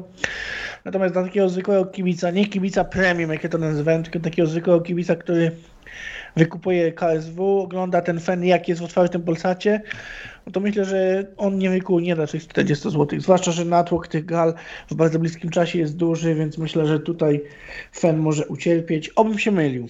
Mm. To prawda. No dobrze, w takim razie co? No my czekamy y, na pytania od Was jeszcze. Myślę, że jak zaczęliśmy o 14, no to jeszcze te 15-20 minut możemy, możemy poświęcić. No tutaj goście zdominowali, ale myślę, że, że fajne kilka, że się dowiedzieliście. Mieliście okazję zadać pytania, także dzisiaj mniej z nami, więcej, więcej z, naszymi, z naszymi gośćmi. E, no tak jak wspomniałem, e, a przede wszystkim zapraszam w ogóle na wywiad z mm, Maćkiem Różańskim. Paula zrobiła, była wczoraj w BT Gym. E, więc zapraszam na wywiad z bohaterem walki wieczoru gali EFM, e, czyli European Fighting e, Masters 4, która odbędzie się w Szczecinie we wtorek 11, nie 10 listopada. Tak, wtorek 10, 10, tak, wtorek 10 listopada. Pay-per-view yy, 15 czy 4, 15 zł chyba, 15 czy 14 zł, już dokładnie nie pamiętam. Link do tego znajdziecie oczywiście u nas na stronie, po prawej jest odpowiednia odpowiedni banner, który klikniecie, do Was bezpośrednio przeniesie, albo w zdjęcie na naszej osi czasu, albo pod wywiadem z Maćkiem Różańskim też jest ten link, także do wyboru, do koloru, E, także zapraszamy też do wykupienia tego, no umówmy, to też jest listopad, także jakby FM zaczyna, no to jak będziemy, tu mamy 15, tu mamy 40, 80, 100, no po 120 zł się uzbiera, jakbyśmy chcieli wszystko obejrzeć, także no nie dziwię się, jak do tego dodamy to, że, że dużo ludzi rezygnuje z telewizji na rzecz Netflixów, e, HBO, kanałów Plus, sam mam powykupywane tego kilka, i innych playerów i, i nikt nie kradnie, wszyscy, wszyscy kupują legalnie, naprawdę suma miesięcznie się zbiera, zbiera spora, um- umówmy się, że no, zatrudnienie w tych czasach jest dość niestabilne, a jak się ma jeszcze 16 lat, no to już w ogóle trzeba e, kombinować, jak to się mówi, także e, cóż, no nie każdy, kto może, niech wykupuje wszystko i wspiera polskie, polskie ma, a, i nie tylko polskie, a kto nie może, niech wybiera to, co go interesuje, jak zwykle najbardziej. E, tak, tu Kiven napisał, ja policzyłem, że na wszystkie sportowe wydarzenia trzeba wydać około 100 zł w dzisiejszych czasach, nie każdemu się tu uśmiecha. No ja to rozumiem, absolutnie. No, ja też jest tak, że na przykład na KSW i tak wykup, wykupuję nawet jak tam będę. E, Na ACA je- jest duży komfort oglądania większości pojedynków, bo nie walczy aż tak dużo Polaków, więc wtedy nie wykupuję, jak już jestem na miejscu. E, Fen prawdopodobnie też będę, też wykupię i, i chyba tyle. No a no i FM oczywiście, no bo nie jadę na miejsce, więc no, to muszę wykupić, no bo nie mam wyjścia. Także tak, i tak większość i tak będzie wykupione. E, pyta Mary i Malina, czy jesteście zadowoleni, że Różal was jako kibiców przeprosił, że nie zginął w ringu? Tak, jestem ukontentowany tym i cieszę się, że przyjmuję te przeprosiny od Marcina. Ja nie widziałem tego wywiadu u Tomka Sarary. Z tego co mi wiadomo, albo na tyle też znam Marcina, to raczej było żartobliwie powiedziane, ale tak jak powiedziałem, nie oglądałem, to się nie chcę wypowiadać. I ten temat dla mnie już jakby minął, no już o tym rozmawialiśmy zresztą. Także dla mnie, no, no jakby tutaj to, no nie mam nic do dodania, no jakby e, wszystko co powiedzieć miałem na temat e, Genesis, e, tej walki już powiedziałem e, i tyle. Yy, na którą walkę na KSW czekacie najbardziej? Patrick Green pyta. No, no chyba main event jednak, no. No chyba tak, chyba tak. Chociaż ja też czekam na Mariusza Zarowskisa, bo ostatnio wygląda piorunująco. Ja wstawiłem zdjęcie, wiesz o jakim zdjęciu mówię? Tam na jego Facebooku e, wstawił takie zdjęcie, jak na ulicy sobie stoi, no to wygląda jak taki gość, który 40 lat pracuje w takiej e, osiedlowej, e, osiedlowej spalarni jakiejś, który, który takimi rzeczami się znajduje, jakimś hydraulikiem jest coś w tym stylu, a nie zawodnikiem MMA. Chłop zmęczony na twarzy, łysiejący i to no, nie wygląda dobrze, chociaż no wiadomo, że może zaskoczyć w walce, zrobić coś nie wiadomo co, ale ja raczej nie spodziewam się tego. Jest y, py- pytanko jeszcze. E, e, e, Ja mam pytania zawodnika z moich stron. e, Kiwen2121 pyta stron o Piotra Kalenika. Jak myślicie, czy da radę wyżej wybić niż PLMMA? No, z całym szacunkiem do PLMMA to ja nie mam wi- wiedzy na temat ich istnienia aktualnie. Coś tam się ostatnio odbyło, gdzie Adam Biegański walczył, ale to miało chyba jakąś inną nazwę.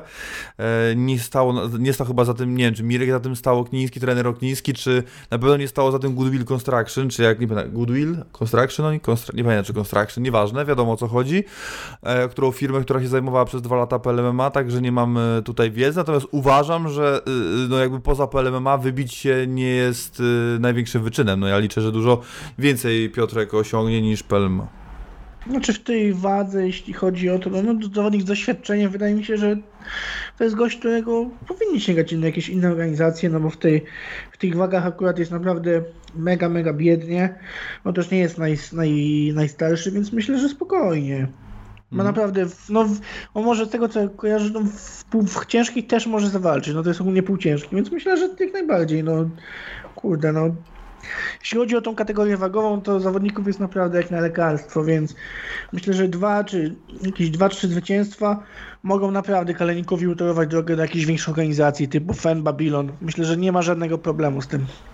E, Jakie wasze typy na walkę Lipski z Szewczenko? No, ja jakby, no nie każdy zna moje zdanie, jakby ja byłem bardzo dużym orędownikiem e, Lipski w UFC, pokładałem bardzo wielkie w nie nadzieje, na początku mocno e, mocno zostałem e, zweryfikowany, ale się karta odwróciła i jest, jest dużo lepiej. Widać, Ariane odnalazła się w UFC w tych realiach i radzi sobie bardzo dobrze i to jest raz, a dwa uważam po prostu, że Antonina Szewczenko jest trochę przereklamowanym produktem i jakby nazwała się Anto, Antonina Michajłowa, to nikt by nie, nie zwracał takiej uwagi na nią. Jej angaż, myślę, że też jakby dużo rzeczy, które się złożyły na to, że jest tu, gdzie jest, tam, gdzie jest i dostaje takie walki, jakie dostaje, gdzie i tak dalej, i tak dalej, i tak dalej, jest podyktowane tym, że jej siostra jest mistrzynią organizacji UFC, także no nie uważam, że Antonina jest tak dobra, jak się wszystkim wydaje po prostu. Ja stawiam na Lipski, o tak. No. Też uważam, że Antonina nie jest tak dobra, jak, jak się wydaje i wszyscy wiedzą, co mówiłem, jak Arian szła do UFC, dlatego stawiam na Antoninę. kto, Patryk Saba, kto z Polaków będzie miał najwcześniej walkę w UFC? No to nie do nas pytanie chyba jednak. Miałbym obstawiać.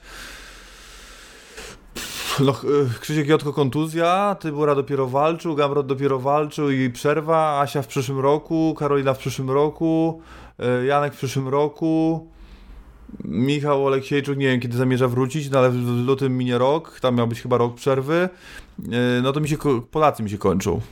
Jest Dawid Zawada, Dawid Zawada może, o tu bym, może, tu bym szukał może, bo on tam miał kontuzję, ja myślę, raz wypatrywał. Marcin Tyburia, bo on często bierze ostatnie walki i ostatnio było dość bezproblemowo, więc myślę, że to Tyburia.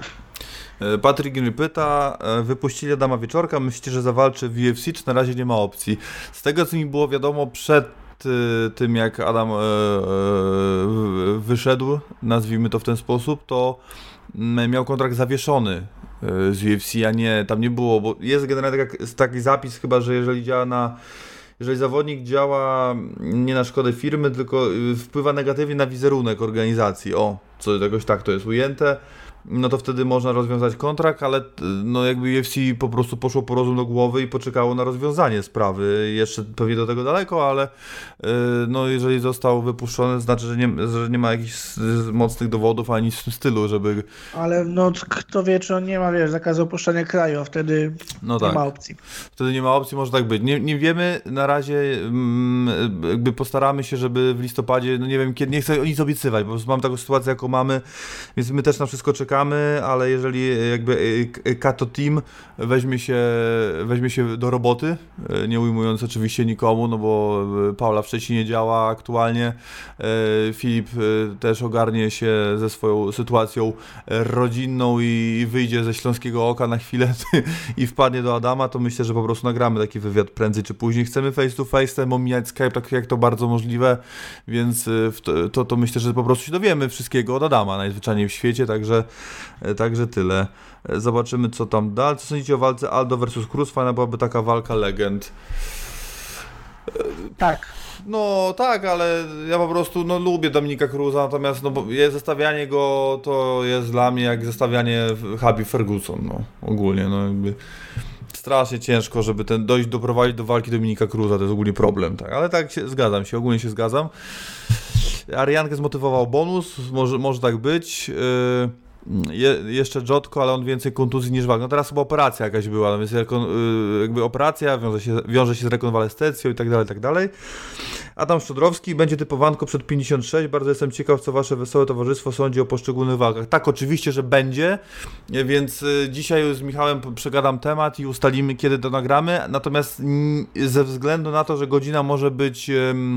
Znaczy inaczej, do czego zmierzam? Jest tak, y, że jeżeli wejdzie ten lockdown, a to rozmawiamy cały czas na najbliższych dniach, jutro, pojutrze, no my wiemy to, co wy wiecie z telewizji. Ja odpalam telewizję informacyjną, się z niej dowiaduję, jak wygląda mój, mój świat MMA w najbliższych dniach.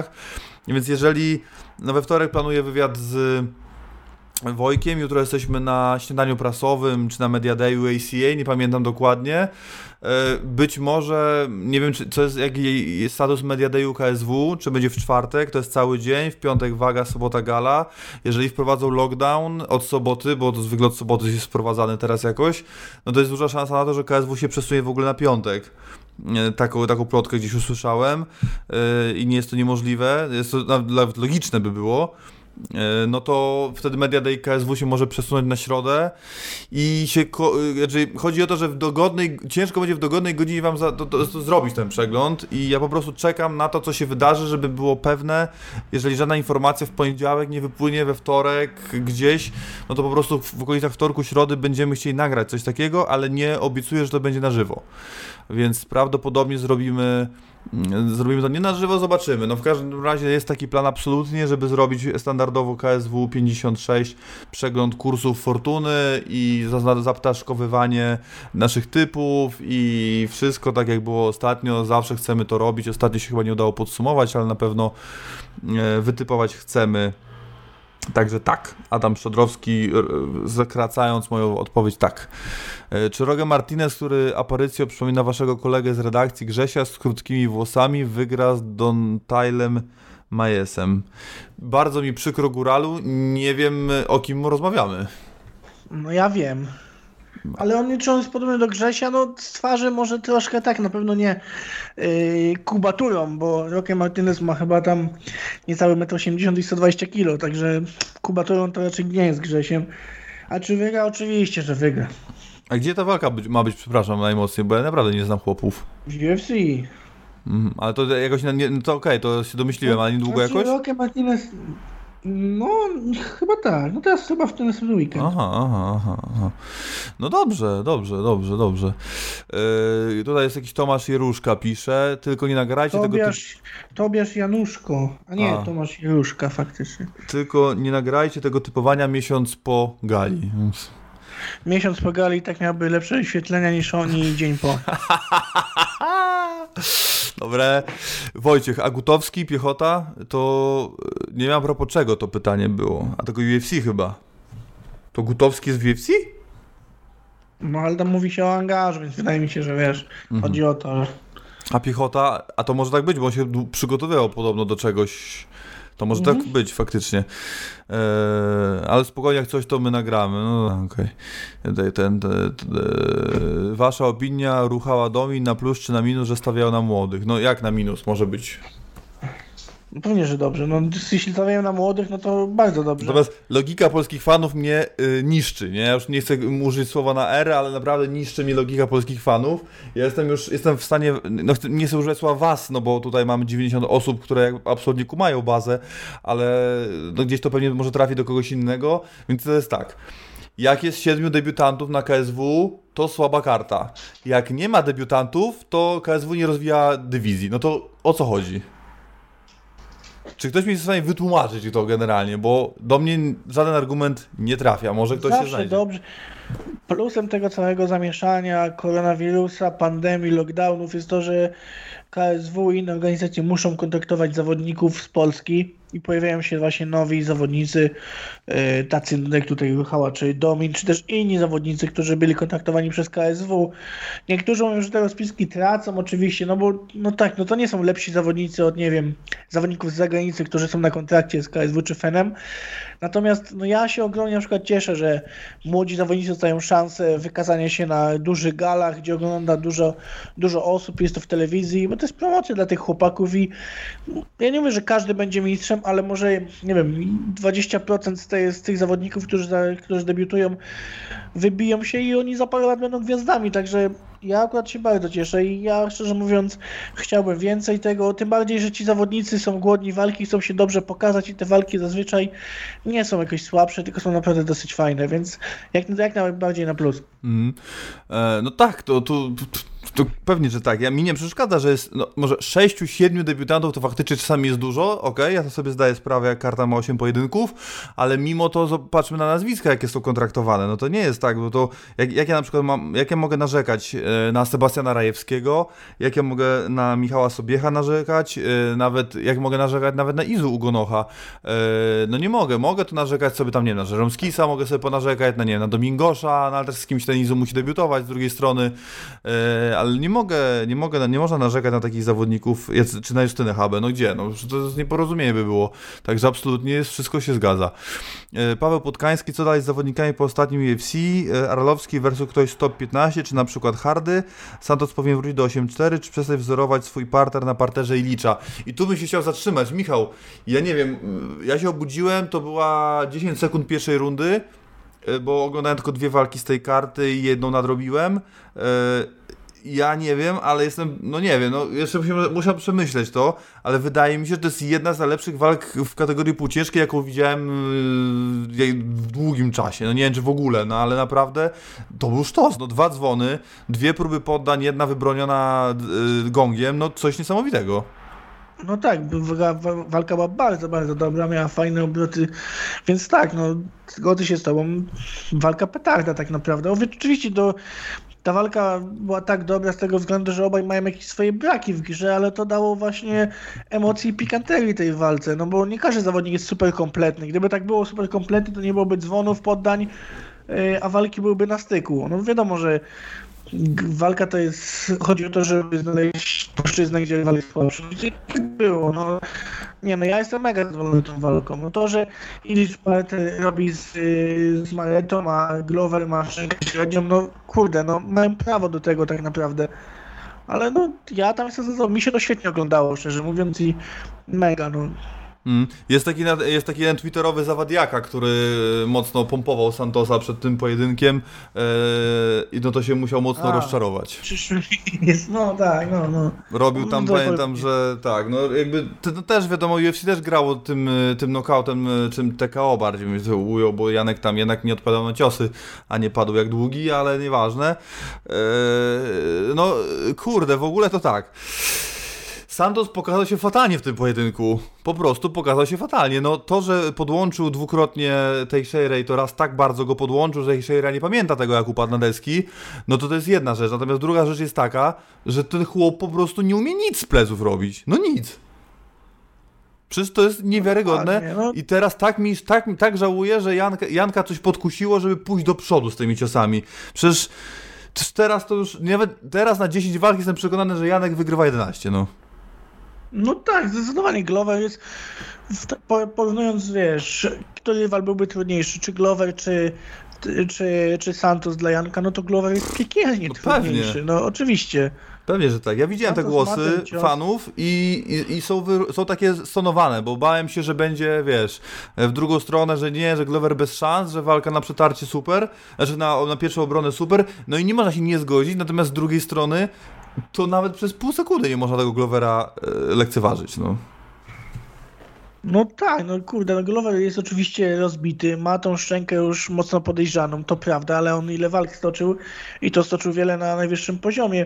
Nie dał się Natomiast dobić, no, pokazuje- dwukrotnie nie dał się dobić. Pokazuje mega serducho i to jest kolejna walka, gdzie on pokazuje. Także no naprawdę chłop ma, jest dobrze po 40, a przeżywa mega drugą młodość i no wow, wielkie wow. Ja no, nie będę jakoś, nie wiem, Glovera nie doceniał, bo naprawdę jest, trzeba tylko wstać i bić brawo, że w tym wieku podniósł się, bo wiedzieliśmy, że to już jest, wszyscy w sumie tak myśleli, że to już jest końcówka, że Glover to już nie jest poważny gracz w tej e, w tej dywizji. Wszyscy tak go skreślili troszkę, a on naprawdę wziął się ostro do roboty i kolejna, kolejna walka, gdzie ta szczęka jego to jedno, ale on potrafi wstać i potrafi e, wygrać pojedynek, także no wielkie wow. I jeśli dojdzie do walki z Jankiem, to nie będzie łatwa walka dla Janka tak naprawdę, bo Glovera raz, że ciężko ubić, a ten parter to nie jest wcale słaby parter. No nie, nie, no jestem, mm, wydaje mi się, że w ogóle parterowo to w ogóle Janek raczej powinien nie iść do parteru z Teixeira akurat, a z kolei absolutnie iść do parteru z Santosem. Natomiast to już ta walka się nigdy nie wydarzy,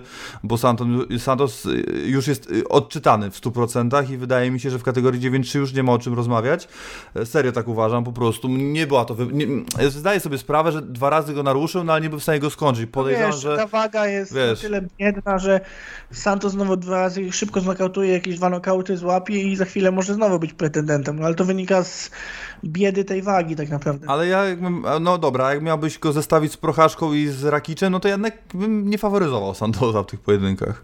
Wiesz, to z prochaszką to 50-50, No bo tak, na no. prochaszka, wiesz, ręce trzyma w kieszeni i idzie do przodu i on może znokautować każdego, ale każdy może też go znokautować, więc ciężko powiedzieć, ale no, no tak, tak, tu masz rację. Jednak, także mi się wydaje, że on się już nie przebije, natomiast to też jest tak, że po prostu go trochę nie lubię, ale e, to jest raz, dwa, że natomiast druga sprawa jest taka, że na te 16 miesięcy, czy tam ile, 14 było przerwy, to na pewno na nim, e, na niego wpłynęło, no ale wróćmy jakby do pytania Pawła, e, czy 8-4, no bo w mojej opinii z kolei 8-4 to mógłby być nowy, nowy rozdział w e, życiu Santosa. Nie, według mnie 9-3, bo to jest dużo łatwiejsza kategoria wagowa i tak jak mówię, dwoma nokautami tutaj może znowu wejść do top 3 i znowu być e, rozważany jako pretendent do pasa.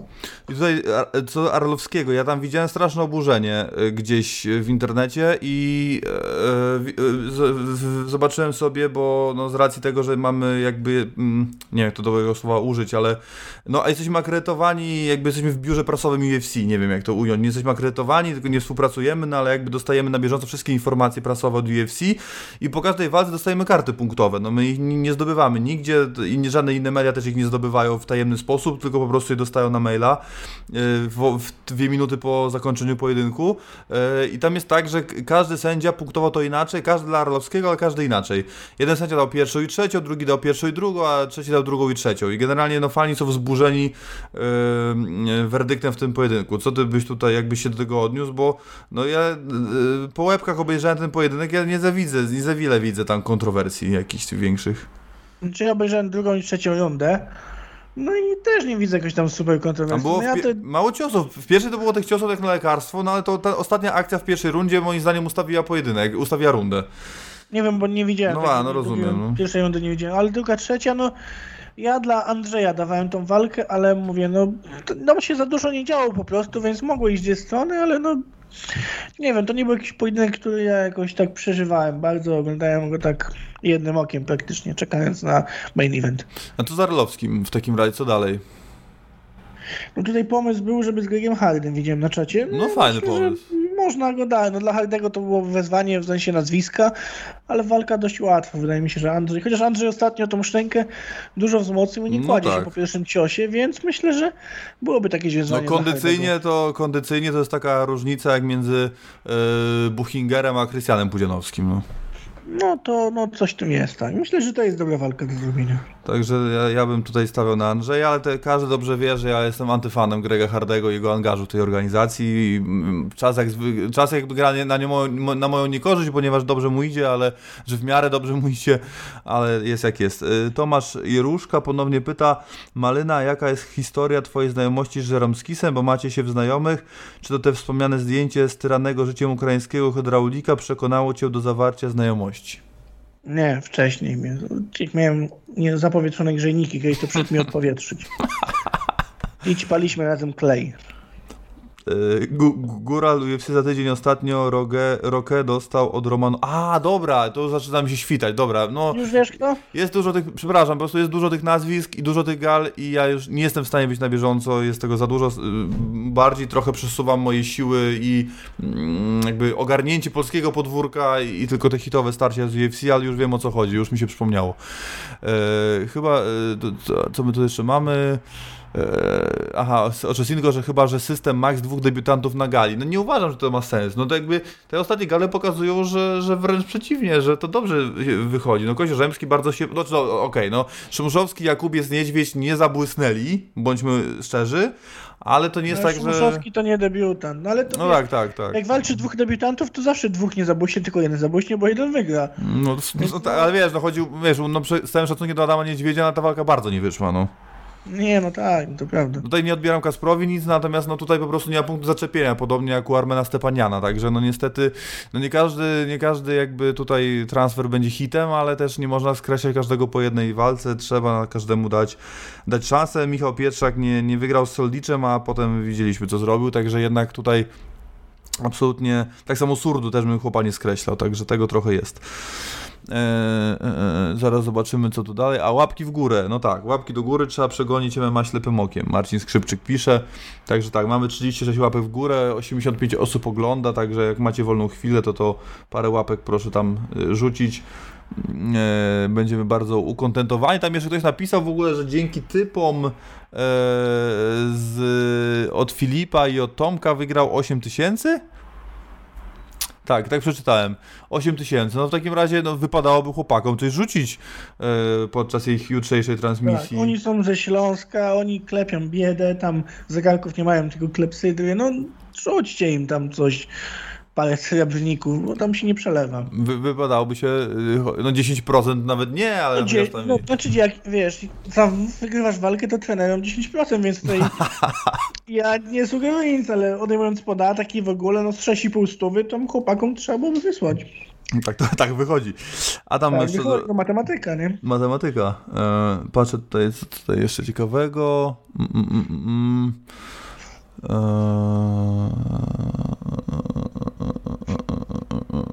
bawią mnie też niektóre bezbeki, co żartują sobie, że Michał zdominuje lub e, Robert wyru e, H. Także tutaj tak się komentarze. Górala. E, Ja bym zobaczył Ankalejewa z Rakiczem. No nie, raczej nie. nie. Ja bym chciał zobaczyć Ankalejewa z Prochaszką. Ale wiadomo, Prochaszka ta został Rejesa, także no, No nie, no, myślę, że tam akurat Rakic, Reyes, y, Prochaszka, Teixeira i tak dalej, tak dalej, to tak jednak niech oni się gdzieś tam w tym, chociaż no kurczę, no Han Kalajew próbuje, no. Może, może się uda. E, Mnie irytuje, Fabian pisze, że mnie irytuje, że zamiast dużego docenienia Glovera, to wszędzie na grupach jedynie co pisze to, że łatwy rywal Lejanko, oddajmy Brazylijczykowi co jego, super zawodnik. No pewnie, że tak. Jest druga młodość, podkreśliliśmy to z Michałem i, i, i naprawdę sztos, bo nie spodziewa... Znaczy, jest inaczej, to nie jest tak, że w tej walce on błysnął, bo nie, bo jakoś się do niej dokopał, ale... e, Znaczy, wiesz co, ja pamiętam Glovera, jak rozbijał go Gustafsson, tym knockoutem na gali w Szwecji, tam były trzy podbródkowe, podbródek, unik, podbródek, unik, ośmieszał go praktycznie strójkowo, Gustafsson pamiętam. I ja mi się wydawało, że to jest wielkiej kariery yy, Glovera koniec. A naprawdę chłop się mega odbudował, ma tu ciąg zwycięstw w tej chwili, naprawdę i pokazuje, że ta szczęka, mimo że jest nie najlepsza, no to potrafi serducho pokazać świetne, co już wspominałem, no i naprawdę druga młodość, jak się patrzy. Hmm. Tu Góral jeszcze prosi o nasze szybkie typy na page Raju Kogatores wstępne. Zostawimy to na. Pozwól, że zostawimy to, bo e, no ja na ten moment to jest u mnie po 50 na 50. E, nie wgryzałem się jeszcze w te pojedynki, szczególnie w ten drugi. Także chciałbym to zostawić na razie tak e, bez komentarza i, i zaprosić po prostu na typowanie KSW. Mm, e, Paweł Podkański pisze na przykład Santos Costa to by było coś. No to faktycznie tu się zgodzę. No ale Costa równie dobrze mógłby iść do 9-3. Wydaje mi się, że to jest kategoria dla niego lepsza, bo tam w 9-3 mniej potrzeba, żeby, żeby dopchać się do pasa między innymi. Mm, Tam, po prostu czym waga wyżej, te umiejętności są mniejsze. No wiadomo, że zawodnicy z niższych wag są lepiej wyszkoleni, a jak masz jakieś ograniczenia, to idź wagę wyżej. Tam Mhm. siła jest najważniejsza, a umiejętności jednak nie trzeba aż tak wybitnych mieć, więc wydaje mi się, że Costa w 9-3 to jest akurat lepszy pomysł dla niego. Fabian pisze, że tam była mega beka, bo każdy sędzia dał inną rundę Bozerowi, dla mnie wał. No to, e, czy wał, to jak już odnosiliśmy się do tego, jest to nietrafione, znaczy nietrafione sformułowanie, e, to do tego, że każdy sędzia dał inną rundę, to tylko raczej oznacza to, że były te rundy po prostu mm, bliskie, jak to się mówi.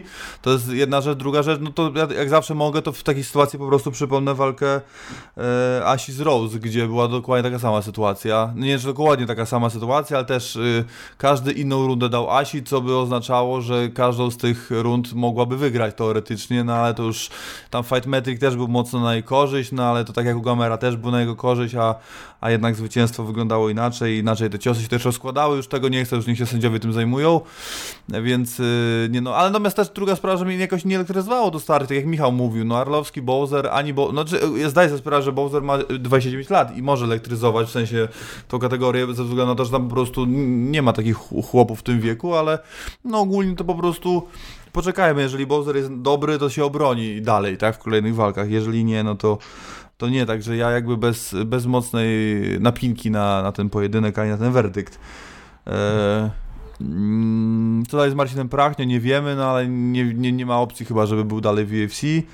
E, oczywiście, że widzimy szansę Materli z Soldiczem, przejdziemy do tego w typowaniu. E, czy Sant- Rewek, że Santos to przejebał na własne życzenie? No nie wiem, kurczę.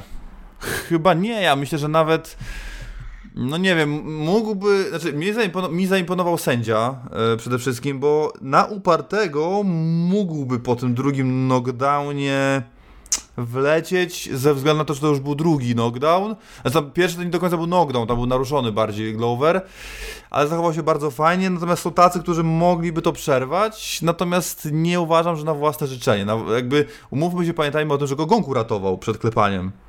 E, Także nie do końca się zgadzam, natomiast absolutnie zgadzam się z tym, że Glover Teixeira jest w zasięgu Tiago Santosa. O, żeby to była jasność. Mm, A, i tutaj jest jedna rzecz, którą się mogę, możemy się w sumie odnieść, to panowie Adam Szczodrowski, panowie, a zgadzacie się, że jest przesada, że na Materle 3,20 kurs? Ja osobiście uważam, że Michał jest faworytem, co sądzicie? No 3,20 to jest gruba przesada moim zdaniem, jak ty sądzisz? No tak, no grubo. Dla mnie faworytem też jest Soldicz, ale to jest, nie wiem, złoty 62,25, a nie 3,20. No ale jak ktoś stawia na Materle, no to No słuchajcie, właśnie. Stawiaj, stawiajcie w tej chwili grube siano na Michała. Ja też uważam, że to nie jest taka walka, że jest wyraźny faworyt, ale stawiajcie pieniądze, bo jak taki kurs w tej chwili jest, no to, też jest przesada, też tak myślę. Mm. Witajcie panowie. Tak samo tutaj Owcza Szchaba też dla mnie ten kurs jest zaskakujący, no do tego wrócimy A przy... jaki tam jest kurs? Też jest olbrzymią, fa- tam jest ponad 2,60 chyba na habę. Jakoś tak. Tak? Olbrzymią faworytką, no, no w miarę olbrzymią, no, jeżeli jest ponad 2,5 to jest olbrzymią faworytką Haba. Ale faworytką jest Owczarz, przepraszam. Karolina. Tak, tak, No tak. to, no to tutaj to jest dziwne. Karolina bardzo lubi być underdogiem i sobie tego życzy i lubi z tej pozycji wychodzić do walki, yy, bo to wiadomo, że to jest duże odciążenie psychiczne, odciążenie psychiczne, E, ale w tym pojedynku, no, no wrócimy, bo tu znów zahaczamy o to KSW, a nie chciałbym o tym mówić na tym podcaście. E, Jaskes, witajcie panowie, no w końcu wy, dziś tak mocno się nudziłem, robiąc obiad, że włączyłem sobie MMA Śląskim okien, okien, to też dobre. E, Wiem, wiem, wybaczcie, co za dzień. No, musiałbyś być bardzo zdesperowany, żeby tak zrobić, ja nie wiem. Nie wiem, co tam kierowało kolego, naprawdę. Tutaj Paweł Płatek pyta, nie wiem dlaczego to pytanie teraz wyskoczyło, ale wiem, że ono było wcześniej, ale chyba umiem na nie odpowiedzieć zamiast Kuby Borowicza. To jest dlaczego walka Trypsona zajmuje drugie miejsce na karcie walk przed dwiema walkami o pas. Yy, No, podejrzewam, że chodzi o względy medialne, no. Chociaż, tak jak powiedziałem, nie raz i nie dwa, dla mnie kolejność jest yy, nielogiczna w pay-per-view. No. Jest to bez sensu, ponieważ Polak jak zapłaci, to będzie oglądał, aż mu już będzie miał czarny obraz.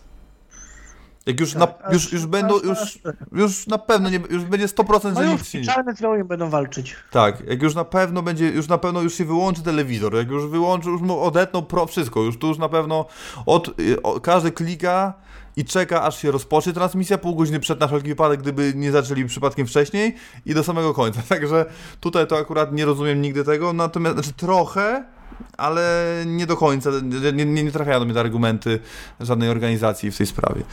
Yy, Rewek w pierwszej rundzie mógł już skończyć, gdyby się tak nie podpalił. No, może i by mógł, ale jakby Glover świetnie bronił się. No, ale to jest taki też styl Santosa, on zawsze jak poczuje krew, to idzie do przodu, tak, więc no... On zawsze tak robi. Mario zgarnie kontrakt z UFC w środę. Że ja? Nie wiem, nie, Nie, wiem, no chodzą o-. Dana White Contender Series chyba i tego polskiego Kanadyjczyka chyba. Yy, Mariusz Książkiewicz, o. O, myślę, że o mnie. No są jakieś rozmowy, no ale nie wiem, czy w środę.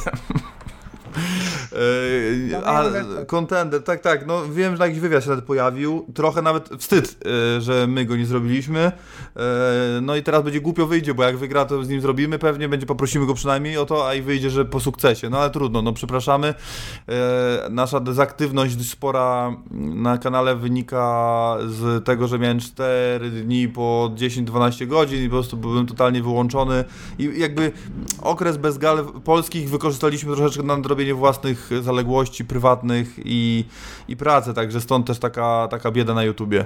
E, Adam Szydrowski 2,93 na Justynę jest. O Jezu. No to ja, ja powiem tak, no ja, yy, ja uważam, że warto zagrać w ten kurs, no. Po prostu. Śniło mi się, że Nganu nokautuje Miocicia, taka walka jest planowana na marzec. Jakie wy macie sny co do tej walki? Mi się nie śnią y, Murzyni. Mi się I też Chorwaci. nie śnią Murzyni i Chorwaci, mi się tylko śnią Polacy. Yy, tak, a wiem, że Grzesiek ma jakieś sny związane z MMA. Ja nie, nie, Tak, nie mam, no. nigdy nie miałem chyba nawet. Nigdy nic takiego nie było. Dobrze, słuchajcie, no, jeszcze 2 godziny 22 minuty, wystarczająco dużo czasu, 76 osób, było 90 spada, więc nie ma co. 40 łapek w górę, więc dajcie jeszcze troszeczkę więcej łapek w górę, bo pomaga nam się to. Co, Michał?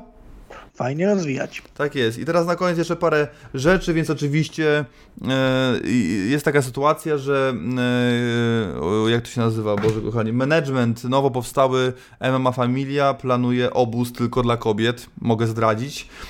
Na razie szczegółów e, nie mogę więcej ujawnić. Planowany jest na e, ten miesiąc, a my mamy być patronem medialnym tego wydarzenia. Także obóz MMA tylko dla kobiet. Już była jakaś taka inicjatywa dwukrotnie podnoszona, raz przez Pawła Kowalika, raz przez Ladies Fight Night. Także bardzo cieszę, że teraz e, kto, kto inny się tym zajmie, także bardzo nas to cieszy i będziemy wspierali mm, wspierali ten, ten, ten, ten, tę inicjatywę. Jak dobrze wiecie, żeńskie ma zawsze na propsie. E, p- Poproszono mnie ze względu na to, że mamy bardzo dobre zasięgi, bardzo dobrą oglądalność generalnie jesteśmy bardzo długo na tym rynku. Zrobiliśmy I już 200 cenieni. i cenieni, szanowani, mamy już 227 odcinków, to poproszono mnie z, jakby prowadzący podcast MMA Śląskim Okiem poprosił mnie, aby zaanonsować jutrzejszy konkurs, który odbędzie się podczas ich audycji.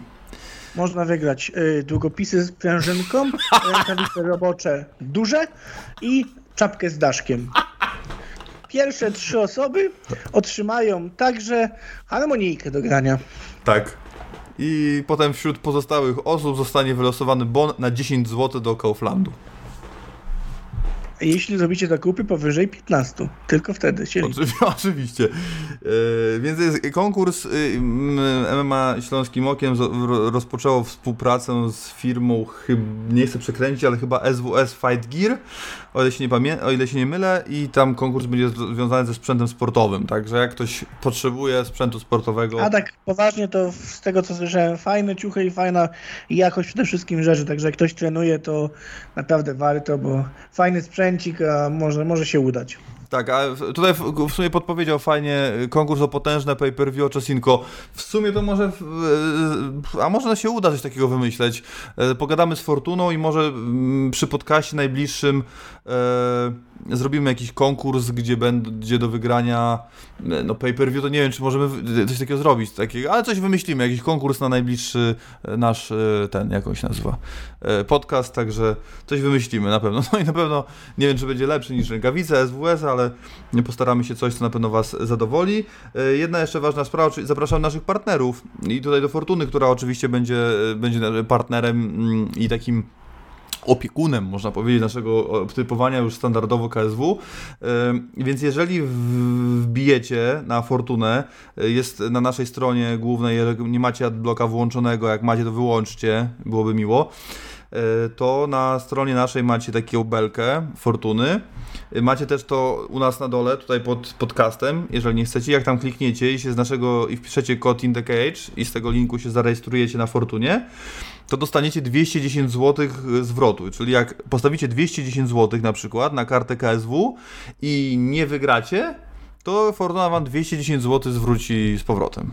Do 200, O, o. no z gruba akcja, naprawdę. Do 210 zł jest taki zwrot. Czyli jak 210 zł stawiacie, tak raz zrobiłem przy KS- KSW, było, że do 30 zł był zwrot i postawiłem e, 30, e, znaczy więcej postawiłem, ale 30 mi zwróciło, no bo przegrałem akurat. I, e, i teraz jest 210 zł, plus tam nawet jest, że, no to musicie sobie poczytać, ja nie będę wszystkiego wam mówił, wejdziecie sobie w link, to sobie poczytacie i tam macie wszystkie informacje, tam jeszcze jakieś punkty o wartości 20 zł i nawet do 2800 zł chyba nawet zwrotu przy kolejnej, przy rejestracji, czy gdzieś tam, nie chcę skłamać, więc po prostu zapraszam serdecznie na naszą stronę, tam jest belka Fortuny e, pod głównymi newsami, albo tu w linku pod spodem pod e, tym e, podcastem. No i jeszcze jedna bardzo ważna sprawa to oczywiście na hasło ITC 15% zniżki na Grand Game, całą kolekcję. A wjechały teraz naprawdę sztosy, dresiki, koszuleczki z elastanem, opinają, bicka elegancko, także przyzwoicie, także zapraszam serdecznie. Sam mam, korzystam, lubię, polecam. E, No i oczywiście wtorek EFM4, link do pay-per-view też e, u nas na stronie e, i na YouTubie, także serdecznie zapraszamy do wykupowania i do legalnej transmisji, bo na pewno nielegalnej nie będzie z tego wydarzenia. Także to tyle, jeżeli chodzi o ogłoszenia parafialne. Prowadzący we mnie Olkiewicz Mariusz, niezmiennie pomagał mi Michał Malinowski. Do widzenia. Tak jest. I do zobaczenia, do usłyszenia. Yy, także śledźcie, sprawdzajcie niebawem MMA Tonight 228, typowanie KSW 56.